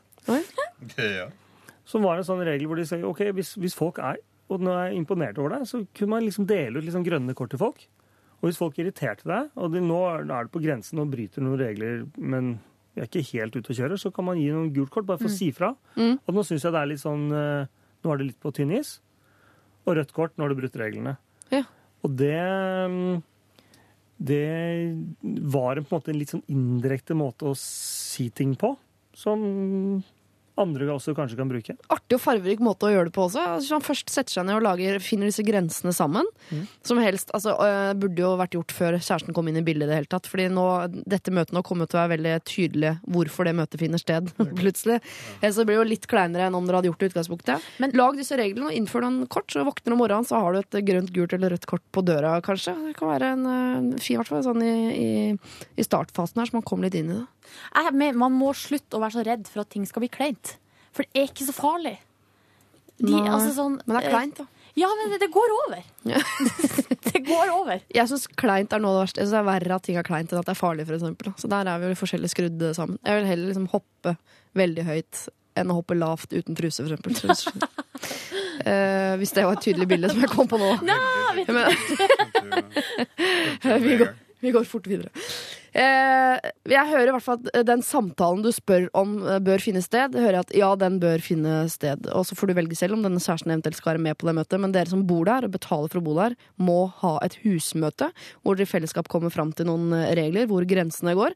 Og så syns jeg det er et godt eh, forslag også, faktisk, å innføre noen eh, grønne, gule og eh, røde kort. Fordi i det der utdeling av kort så er det mulig å legge inn noe humor, også, sånn at man kan se litt eh, med et skråblikk på disse veldig rigide reglene som dere er nødt til å, å lage sammen. Eh, tegne ut med tusj og henge opp eh, på kjøleskapet. Dette er Lørdagsrådet På P3. P3. The Cooks og deres eh, O La eh, går eh, på P3 fortsatt. Det er hyggelig. Eh, fortsatt her i studio også sitter eh, Silje fra P3. Ja! Jeg, nek jeg nekter å bruke etternavnet ditt. Christian Borch, du er fortsatt her. Det er veldig hyggelig. Og Ulrik Imtias Rolfsen er også her. Jeg synes Det er vanskelig å si Det er rart at det er Rolfsen som skal være vanskelig å si navnet ditt, Ulrik, men jeg syns Rolfsen er et vanskelig ord å si. Den F-lyden, lite brukt, vanskelig å uttale. Rolfsen. Jeg merker at jeg ikke Jeg får ikke sånn kjempe Jeg blir ikke sånn kjempelei meg eller noen ting. Jeg bare syns det er interessant at du ikke klarer å si Rolfsen. Har du hørt det før? Bare anerkjenner. Nei, de fleste er jo sånn intimitimias Det er jo mye rart der, da. Ja. Det er, det er særlig din kollega i, i Dagsnytt 18. Uh, nå plutselig mister jeg Anne? Grosvold? Anne Grosvold klarer aldri å si det. Så hun sier sånn Ja, nå har vi Ulrik Rolfsen her. Da bare gir opp. Og så husker jeg Liv Ullmann eh, Jeg hadde åpningsfilmen med Siste revejakta i Haugesund, på filmfestivalen i Haugesund. Og da var Liv Ullmann festivalsjef, og da hadde hun en lang tale, åpning. Og så skulle hun da introdusere meg, og vi skulle se filmen min, og da var det sånn Ja, så har vi Ulrik Intimitias Rolfsen. Så da ble jeg hetende det resten av festivalen. Intimitias. Det du intimitias. Nei, men det er, det er ikke Det er jo det er, Så det er ofte imtias som er det vanskelige ordet. Ja, jeg syns Rolfsen er verre, da. Ja. Jeg syns det er vanskeligere å si. Men Ulrik går veldig greit. Ja. Kjempelett å si. Da holder vi oss til Ulrik. Hei! Jeg og min kjæreste skal uh, nå på sydenferie med min familie. Min mor er av den typen masete og bekymret, og selv om jeg snart runder de 30, så merker jeg selv et gryende ungdomsopprør. Dama sier at det er fordi jeg var for snill og medgjørlig i tenårene. Så til problemet. Planen i dag var å kjøre fra Bergen til Stavanger, for vi reiser alle sammen derfra til Syden. Mor begynte selvsagt å mase om trafikkens farer og mente at de burde ta buss. Jeg har altså fått mitt første raseriutbrudd allerede før turen har begynt. Syns dere jeg bør legge meg flat og logre med halen hele ferien, eller bør jeg stå opp og kreve min plass som voksen, selv om det vil gå utover husfreden både for meg, min kjæreste og min mor på denne turen? Det er kanskje litt problem hvis du oppfatter et forslag om buss som noe som da gjør henne rasende.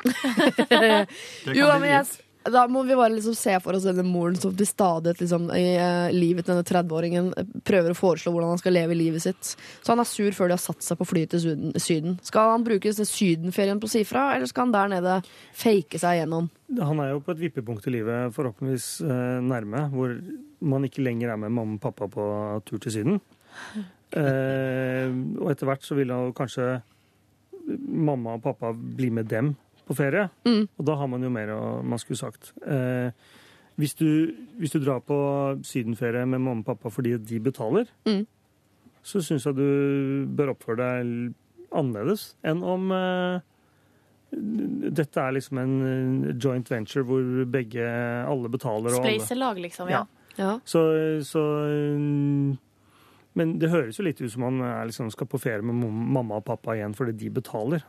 Ja, Det er jo lov å henge seg opp i det. Hvorfor du nærmer deg 30 tar med dama di på sydenferie med din familie? Jeg skjønte, Hvis dere hadde barn og trengte barnevakt, så skjønner jeg det, men hvis Ja. ikke Ja, Da er bestemor og bestefar med, Ja, og da oppfører de seg. Ikke sant? ja Da er de med på deres Da er man to voksne par på ferie. Mm. Men eh, ja, han har føles litt gammel ut å være med mamma og pappa på tur, syns jeg. Helt enig. Altså, jeg var jo på ferie i Ecuador i tre uker med hele familien og min splitter nye kjæreste. Altså, det var mamma og pappa, to små brødre, meg, kjæresten min. I Hvorfor, spør vi Nei, andre da. det var, og jeg holdt på å gå på veggen! Det, det var fordi jeg har vært utvekslingsstudent der, og familien min skulle, eh, var, de skulle komme kom ned og se hvor jeg hadde bodd, og møte min vertsfamilie. Og så reiste vi litt rundt da, selvfølgelig, for å se landet litt, når vi først hadde flydd eh, over halve jorda nesten.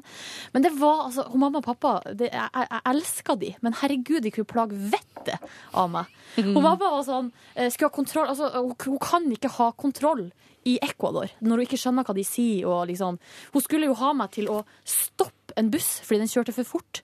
Sånn, Silje, nå går du fram. Og jeg var den eneste som kunne spansk. Nå går du fram, og så stoppa du bussen. Eh, ja, og da sa jeg nei, det gjør jeg ikke. Da var jo hun på vei ut, men uh, det endte med at hun bare satte seg. Men kranglet du med foreldrene på denne turen mens kjæresten var til stede, så det ble kleint for alle? eh, Litt, men vi er jo en kranglefamilie. Ja. Faren min var sånn som stilte spørsmål og alt. For eksempel satt på bussen, kjørte gjennom Andesfjellene, og så sier han plutselig Silje, hvilket jordsmonn er det her? Altså, han, nei, han forventa at jeg skulle vite alt om Ecuador. Og det kunne jeg jo selvfølgelig ikke, så jeg blir veldig frustrert. Nei, jeg, jeg tror jeg sa etter hvert så, så bare jeg fjerna meg fra situasjonen.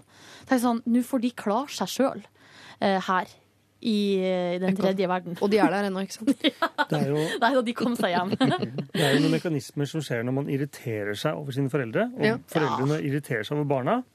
Så er det faktisk fysiologisk, og vi bruker det for å flytte fra hverandre.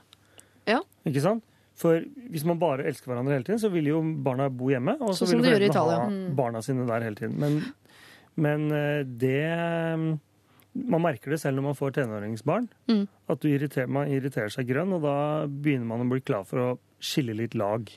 Men jeg, blir, jeg, altså, jeg, jeg har brukt å si at jeg, blir 14 år igjen når jeg kommer hjem til mamma og pappa. Det er de gamle ting som blusser opp, liksom. Gammel frustrasjon. Sier foreldrene dine når du er Eh, hjemme på besøk sånn 'Husk å slukke av lysene når du går og legger deg', da.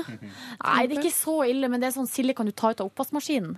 Og da har jeg lyst til å si til mamma Ja, men mamma, jeg er på vei. Jeg er jo her. Vi er, vi er sammen om det. Du trenger ikke å be meg om å gjøre ting lenger. Eh, altså sånne type ting. Ja. Eh, men der føler jeg at eh, for meg så har jeg liker å si fra. Liker den approachen. Men jeg tror jo det rådet til denne, denne herren som da skal på tur med mor og far og kjæreste og hele røklet, er at han bestemmer seg for å være tolerant. Ja. Altså at han eh, er på forhånd mentalt innstilt på å svelge i seg irritasjonsmomentene etter hvert som de dukker opp, for hvis ikke så blir ikke dette noe moro, altså. Men hvis foreldrene er totalt urimelige, så må man jo kunne si Men som et voksen, man må jo behandle foreldrene Det som må vi andre gå ut voksne fra folk. at de ikke er. Altså, Ja, når eksempelet, det verste så- eksempelet han kan komme er at hun foreslår buss. Så tenker jeg sånn Jeg skjønner at eh, med, når glasset har liksom fylt seg opp fra det var 0 til 30, så er det lov å irritere seg over småting hos sin mor og far. Men uh, sett utenfra så er, høres hun ikke helt sånn forferdelig ut, hun moren. Hun høres bare irriterende ut. Og selvfølgelig da mer irriterende for deg fordi du har levd med henne i 30 år. Men hvis du har klart å holde dette i sjakk til du er 30, så ta sleng på en uke i Syden med å holde det i sjakk. Det kommer litt an på hvor de skal i Syden. for jeg mener altså Hvis hun er engstelig for at bruk av privatbil eller taxi kan føre til en trafikkulykke på vei til flyplassen for å reise til Syden, Ja. så kan det oppstå mange muntre situasjoner hvis dette er et uh, livlig land. For å si det sånn. De skal Ja. vel bare sitte. Altså, hvis de skal ned dit og drikke vin, kanskje det roer seg når de kommer ned dit. Få på litt eh, sangria og bare Det kan godt være et kanskje, men altså, derfor er det mitt gode råd at eh, de alle bestemmer seg for altså, å på en måte være tolerante. Og dyrke toleransen som en slags selskapslek på en måte under hele oppholdet, for da tror jeg det kan bli mye hyggeligere for alle parter. Altså, som et dra, godt råd. ja, dra til Syden, det har du jo ikke spurt om råd til, egentlig. Antakeligvis er du på vei allerede. Du drar til Syden med mor og far og kjæreste. Prøv å være tolerant og anse at dette er ikke mamma og pappa, det er bare andre voksne mennesker i tillegg til deg selv. For du er voksen, for du er snart 30, så det må du også være. Også på denne turen. Eh, Men selvfølgelig, hvis moren din er urimelig eh, på generelt grunnlag, så må du få lov til å si fra. Men ikke dra den dit og være sånn furtefjes Mamma! allerede før dere har landa. Og være sånn tydelig irritert fra mandag ut, for da blir det ikke noe koselig for noen. Og det er, eh, for alle andre enn deg så kommer det til å oppfattes som om det er du som gjør denne turen utrivelig. Så du må, eh, du må rett og slett leve opp til den alderen du skriver i mailen at du, du er, da. Altså du snart runder du de 30. Eh, det var kanskje ikke det rådet du ville ha, men sånn er det her i Lørdagsrådet. Hvis du vil ha råd som du vil ha eller ikke vil ha, så må du sende inn eh, problemet ditt til oss. Da er det lralfakrøll.nrk.no. Lørdagsrådet På P3. P3 Rihanna er her igjen, denne gangen sammen med Mickey Echo og låta Stay. Og eh, jammen har vi ikke et samarbeid mellom Lizzie og Big Bang gående også. De eh, framførte The Oslo Bowl. Vi har et eh, langt problem til vi her i Lørdagsrådet, og det dreier seg om den store blemma sjalusi. Hei, Lørdagsrådet. Jeg er en dame på 26 med et stort gnagende problem. For snart to år siden hadde jeg et brudd med typen. Han slo opp med meg. Etter det har jeg fått ny kjæreste, og vi har det fint. Har flyttet sammen og skaffet oss hund. Altså idyll. Vi skal snart kjøpe leilighet sammen på det lille stedet vi begge er fra. Men problemet er at øh, kjæresten min, altså ekskjæresten, kort tid etter at han slo opp med meg, fikk seg en ny kjæreste. Jeg har hørt at forelskelsen i henne øh, oppsto en stund før han slo opp med meg, og problemet mitt er at jeg fremdeles da er ekstremt sjalu. Den nye kjæresten hans er høy som en gaselle med langt mørkt hår og eksotiske trekk. Hun blir siklet på av alle, både menn og kvinner. Jeg syns hun ser hoven på meg, og jeg ser henne ute på eh, trening for eksempel, som jo er skrekken for meg. Jeg blir rett og slett uvel og får mindreverdighetskomplekser, så jeg må dra hjem fra trening hvis hun er der. Ekskjæresten min har også blitt ekstremt kjekk. Sikkert etter en slags makeover fra henne. De er rett og slett blitt skikkelig populære på alle måter, og nå går det rykter om at hun er gravid på toppen av det hele. Dette går utover min hverdag på alle mulige måter, selv om jeg har mitt liv og de har sitt. Jeg tar meg selv i å ønske at hun skulle havne i en ulykke eller, havne, eller legge på seg 50 kilo over natta. Jeg får rett og slett ikke sove eller leve normalt på grunn av dette her. Hva skal jeg gjøre? Må jeg flytte fra stedet jeg bor, eh, der hvor jeg min sære skal kjøpe leilighet? Skal jeg snakke med henne? Hva skal jeg si? Eller bør jeg bare ta en oppvask med min eks? Hilsen Trude. Jeg er veldig nysgjerrig på hva dere mener om dette, Silje, Ulrik og Kristian. Jeg vet jo selvfølgelig hva jeg tenker. Jeg vet ikke annet enn at dette er veldig vanskelig. ja, ja. Hun har det fryktelig vondt, og hun må på et eller annet sett og vis komme seg ut av den tvangstanken hun lever i i dette forholdet. Hvordan det skal gjøres, må jeg si at jeg ikke får noe selv klare tanker om som detter ned som lyn i hodet på meg, men uh, dette er en situasjon hun ikke kan leve med i det hele tatt. Det høres jo ut som hun er i en klassisk psykologisk eh, situasjon, hvor man er i sorg. Ikke sant? Man har jo fire stadier med sorg, hvor man eh, først er i fornektelse. Mm. Eh, så eh, kommer man i, eh, i sinnemodus. Så kommer man i, i sorg. Mm. Og så er det forsoning. ja. Hvor er hun? Får du inntrykk av at hun har en Ja, Sinne eller sorg? Sinne eller sorg, kanskje. Etter to år? Ja. Kan prosessen være sånn? Ja, det tar, sånne, sånne brudd kan ta opptil fem år å, komme over, visstnok. Ja. Eh, men da går det også over. Ja. Så det, her, det handler om å ta tiden til hjelp. For de, de følelsene her høres, som Kristian sier, det høres veldig, veldig tungt og, og, og vanskelig ut. Og jeg tror ikke det hjelper noe særlig å snakke med henne eller noen sånne ting. Men det virker jo som at hun ikke Altså, det er en usikkerhet også rundt som ligger rundt hva det var som egentlig skjedde. To år etterpå at det har blitt slutt. Uh, jeg tenker at det kanskje kan være greit for hun å bare få en klarhet. For hun sier jo sånn Sa hun ikke at hun hadde hørt rykter om, eller at hun fått inntrykk av, at, At han- han var forelska i hun her jenta før, eh, før det blir slutt. Mm. Eh, det må hun jo få klarhet i. Ja, må man det? Ja, men jeg tenker sånn, Det er jo bedre det enn å gå rundt og, og, og lure. Jeg tror ja. ikke det. Jeg tror altså Det hun sier, er jo at hun eh, ser jo veldig iøynefallende kvaliteter hos disse to menneskene. De er veldig flotte, veldig flashy. De Uh, virker som om de er i harmoni osv. Så, videre, og så, videre. så hun sitter jo hele tiden og ser seg selv i et forringet lys i forhold til disse to menneskene. Jeg tror det hun først og fremst må gjøre, er jo å se de velsignelser hun selv har i sitt eget liv, forstå verdien av dem.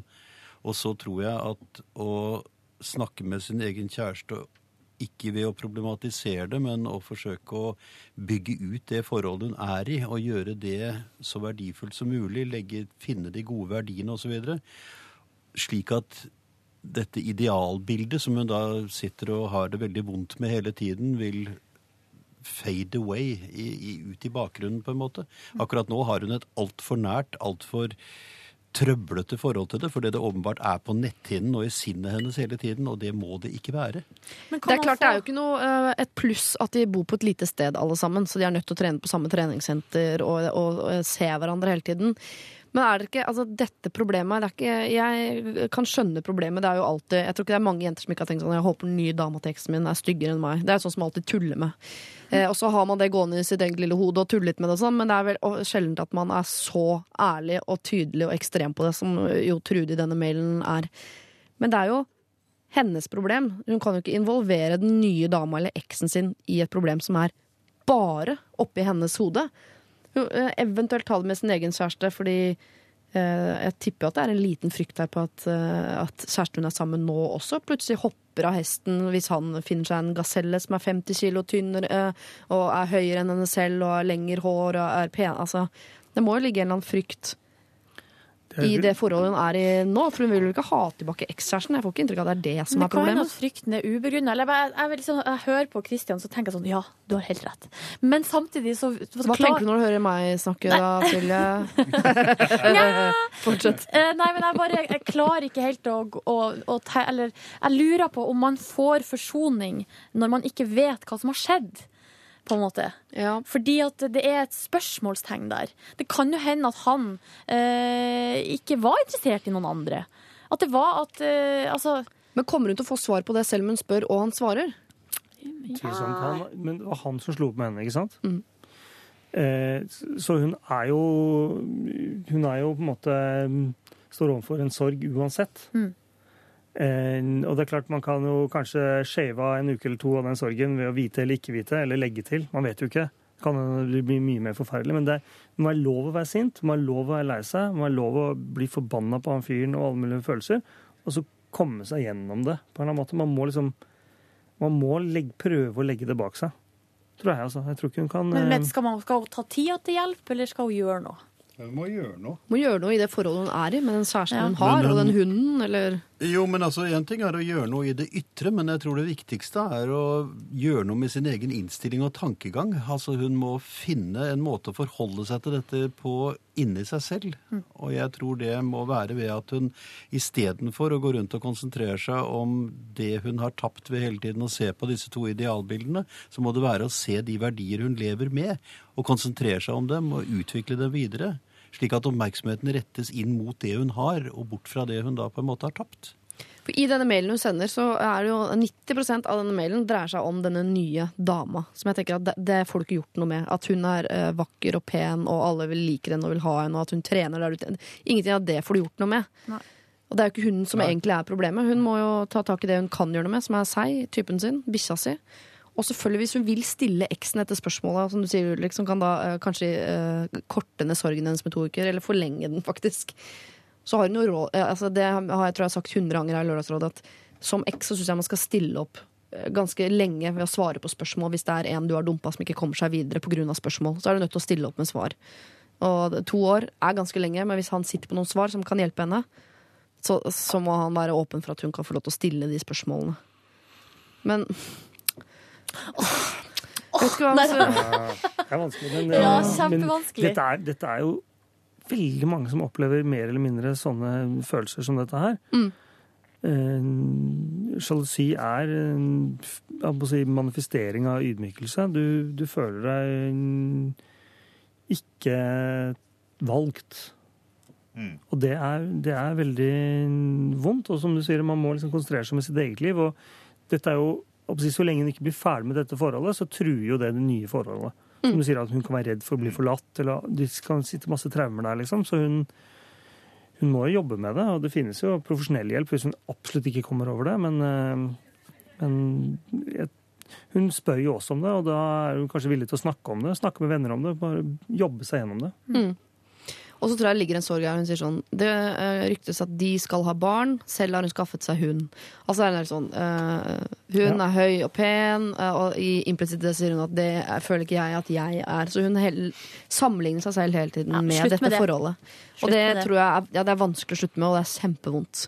Jeg tror du, uh, kjære Trude Du skal ikke gå og snakke med henne på noen måte. Hvis du vil stille det ene spørsmålet til eksen din, så har du lov til det, men det er ikke sikkert det hjelper på noen som helst måte. Dette er en sorg du bare må komme deg gjennom. Og så må du jobbe der du er. Med deg, ditt selvbilde, med deg og forholdet til den nye kjæresten. Og så må du tenke at øh, hvis du syns er ydmykende og du ikke føler deg valgt av eksen din, som jo er helt sant, han har faktisk valgt deg bort, så må du tenke at du er jo valgt av han typen du er sammen med nå. Og det er der du må legge fokuset. Og hvis ikke du klarer å komme deg ut av dette her, så må du søke hjelp som er mer, eh, og det sitter langt inne å si, men som er mer profesjonelt enn Lørdagsrådet. Finnes ja, det noe for det fins. Det fins, ja. Og da må du sikkert ringe, men uh, ta en telefon og booke en avtale og sånn. Da er det lettere i Lørdagsrådet. da. Hit sender du bare mail. Da er det lralfakrøll. nrk.no. Dette er Lørdagsrådet. På P3. P3. Miss Mister har vi hørt, og hennes hans Bones, altså her i Lørdagsrådet. Vi har tid til et bitte lite problem sånn på tampen av sendinga. Før vi går i gang med å dele ut T-skjorte og alt det der. Eh, Og det er fra en som kaller seg Knut. Og jeg skjønner at Knut bruker et alias, for dette er ikke verdens eh, mest eh, sympatiske ting å spørre om. Hvordan kan jeg få dama mi til å bruke pushup-bh? Syns ikke de er så fine i en slapp bh. Sorry for at jeg virker shallow, eller grunn, da, som Knut skriver. Så han er klar over det. Han syns ikke dama sine pupper er så fine i en slapp bh. Hvordan skal han få henne til å bruke pushup-bh? Han, han kjøper en BH til henne. Ja. Det er jo ikke verre enn det. Nei. Så vi bare Det var mitt svar. Det var kjøp det. Ja, det er hvis man, hvis, man, eh, hvis man går litt inn for det og kjøper pent undertøy til henne, så kan jo det være mm, fint. Man, eh, man får jo, Som mann så får man jo klær av dama si hele tiden, for de er jo misfornøyd helt konstant med hvordan man ser ut. Ja. Men Så det er det er jo. Det er fordi jeg er sjuskete, ja. Nei, ikke du, men menn er ofte litt mer tjuskete. Ja, men jeg kjøper jo også klær til kjæresten min, Ja. eh, og hun er jo ikke en sjuskete mann, det er jo ei fin jente, men det er for at jeg vil være med og bidra. Og jeg får klær tilbake òg, så det går begge veier. Dere har det lett. De, Ja. Dere jentekjærester har det lett. Vi andre som lever sånn, vi, vi- vi gutter vi har ikke lov til å bli fornærmet over at vi får klær av eh, kjærestene våre og blir konstant forsøkt forandret. Mm. Jeg tror det, og, det, og det handler ikke om at vi, de ønsker oss annerledes. Det handler om at det er en slags sport som de bedriver. Som er litt artig å se hvor langt kan vi forandre kjæresten vår ha-ha. Helt til vi ikke liker han lenger, og så kaster vi han, så får vi ny som vi kan forandre. Hva er det sykeste du har fått uh, tredd nedover skuldrene av uh... Nei, det kan jeg ikke si, for det, det vil jo såre, såre så forferdelig. Nei, jeg vet ikke, altså. Hva, det, det er mye, mye rart man ikke går med, altså. Han prøvde å presse seg inn i snekkerbukse? Eller noe rare Ja, opplevd snekkerbukse, men det er mange år siden, altså. Ja. Det er mange år siden. Det er mange kjærester siden.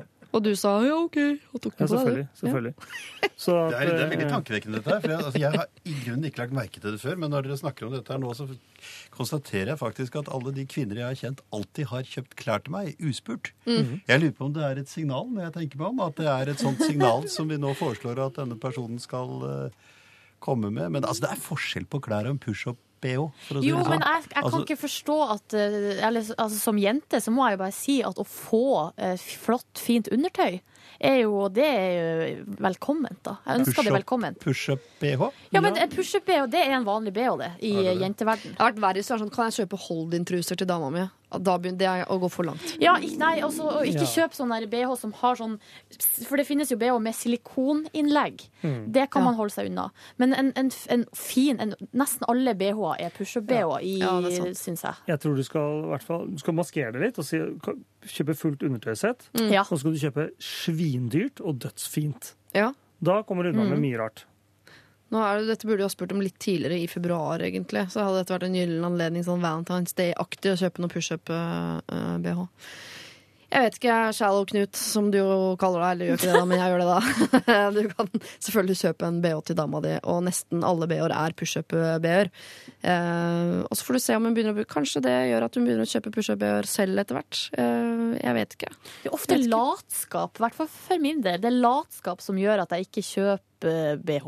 Fordi det er så slitsomt. Man må skifte og ta av seg alt. Eh, kjøp eh, det, ja, Hint, hint, hvis du hører på der hjemme. Tar gjerne imot. Og Knut, ta en runde i speilet, altså, for du, du bør ha bukser som sitter ekstremt eh, eh, riktig over rumpa, Ja. og en skjorte som er akkurat som skal, og sånn, hvis du først skal begynne å plukke på undertøy til dama di, syns jeg. Så, Da skal du være godt fornøyd i din egen bil. Ja, antageligvis så får han jo klær av dama si allerede. Hvis du gjør det, så er du innafor. Ja. Ja. Men, eh, men eh, kjøp fint og dyrt.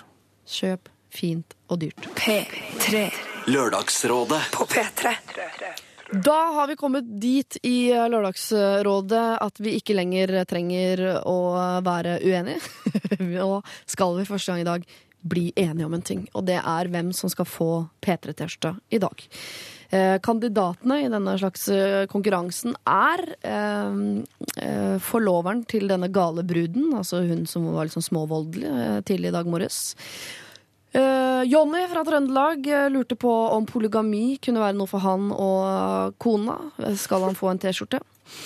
Så har vi da en som på vegne av en hel gruppe problematiserer det at de har et par i vennegjengen som driver med offentlig tafsing. Hun kan jo få en T-skjorte. Vi har en jente som dessverre over eh, fem år nå har blitt stalket av en fyr hun så vidt klinte med i en alder av 16, og som nå har bestemt seg for at det er dem. Han ringer, facebooker og holder på. Vi har en fyr som har fått seg en egen hustigger og er usikker på hvordan han skal, skal han gi penger hver gang, eller hvordan skal han oppføre seg. Vi har et bokollektiv der det er én en som syns det er problematisk at venninnen har fått seg kjæreste, som er der hele tiden. Så har vi han da, stakkars. Han nærmer seg ikke bare 30, men i tillegg skal han til Syden med mor si og dama. og han er allerede sur på moren før flyet i det hele tatt har tatt av. Vi har en eh, jente som er sjalu på etterskudd. Eksen har fått seg en eh, dame som hun eh, tydeligvis ser seg selv i forhold til. Hun er høyere, tynnere, og de venter antageligvis et barn, og han var kanskje forresten henne før det hele tatt ble slutt, osv. Til slutt her, Shallow Knut, som lurer på hvordan han skal få dama si til å bruke en pushup-BH. Og da fikk han jo beskjed om at han kan jo kjøpe en pushup-BH til henne.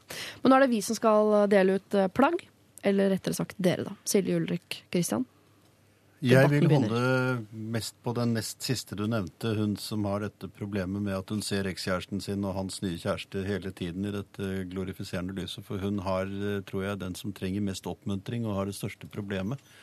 Og som har eh, den største oppgaven med å, med å forandre noe på seg selv. Så kanskje en, Jeg vet ikke om en T-skjorte virker oppmuntrende, men hvis en T-skjorte virker oppmuntrende, så vil jeg gi den til henne. Tenk hvis den ikke passer, da. Kan gjøre det verre, vet du. Vi kan gjøre det verre. Ja. Ja. jeg er enig i at uh, det er vel kanskje den problemstillingen som har rørt meg mest, fordi jeg kan kjenne på hvor vondt det er. Mm. Så eh, jeg stemmer for den samme. Hun som Mm. er sjalu, hun eh, skal få litt eh, varme tanker og kanskje en eh, passe varm T-skjorte herfra. Ja. Ja, jeg blir med på det. Det blir T-skjorte til eh. Trude, Ja. ja, som er sjalu på etterskudd på sin ekskjæreste. Trude, jeg håper du hører på. Du eh, har fått masse backing og råd eh, fra oss, og du får også da en eh, T-skjorte i løpet av uka, vil jeg tro. Eh, hvis du nettopp har skrudd på radioen så, og ikke skjønner noen ting av hva vi snakker om, så kan du jo podkaste alt sammen i sin helhet om bare noen minutter. Det gjenstår for meg å si tusen takk til dagens rådgivere. Eh, Silje Reint Reinton. Silje, du har glemt mellomnavnet mitt, da. Silje Therese. Therese hopper jeg over. ja, det er Ja. Jeg går rett på Nordnes jeg nå. Ja. Silje Nordnes, Hyggelig Ulrik Intias Rolfsen og Christian Borch. Fortreffelige rådgivere i dag. Og jeg håper dere får en fin lørdag videre. Takk. Lørdagsrådet På P3. P3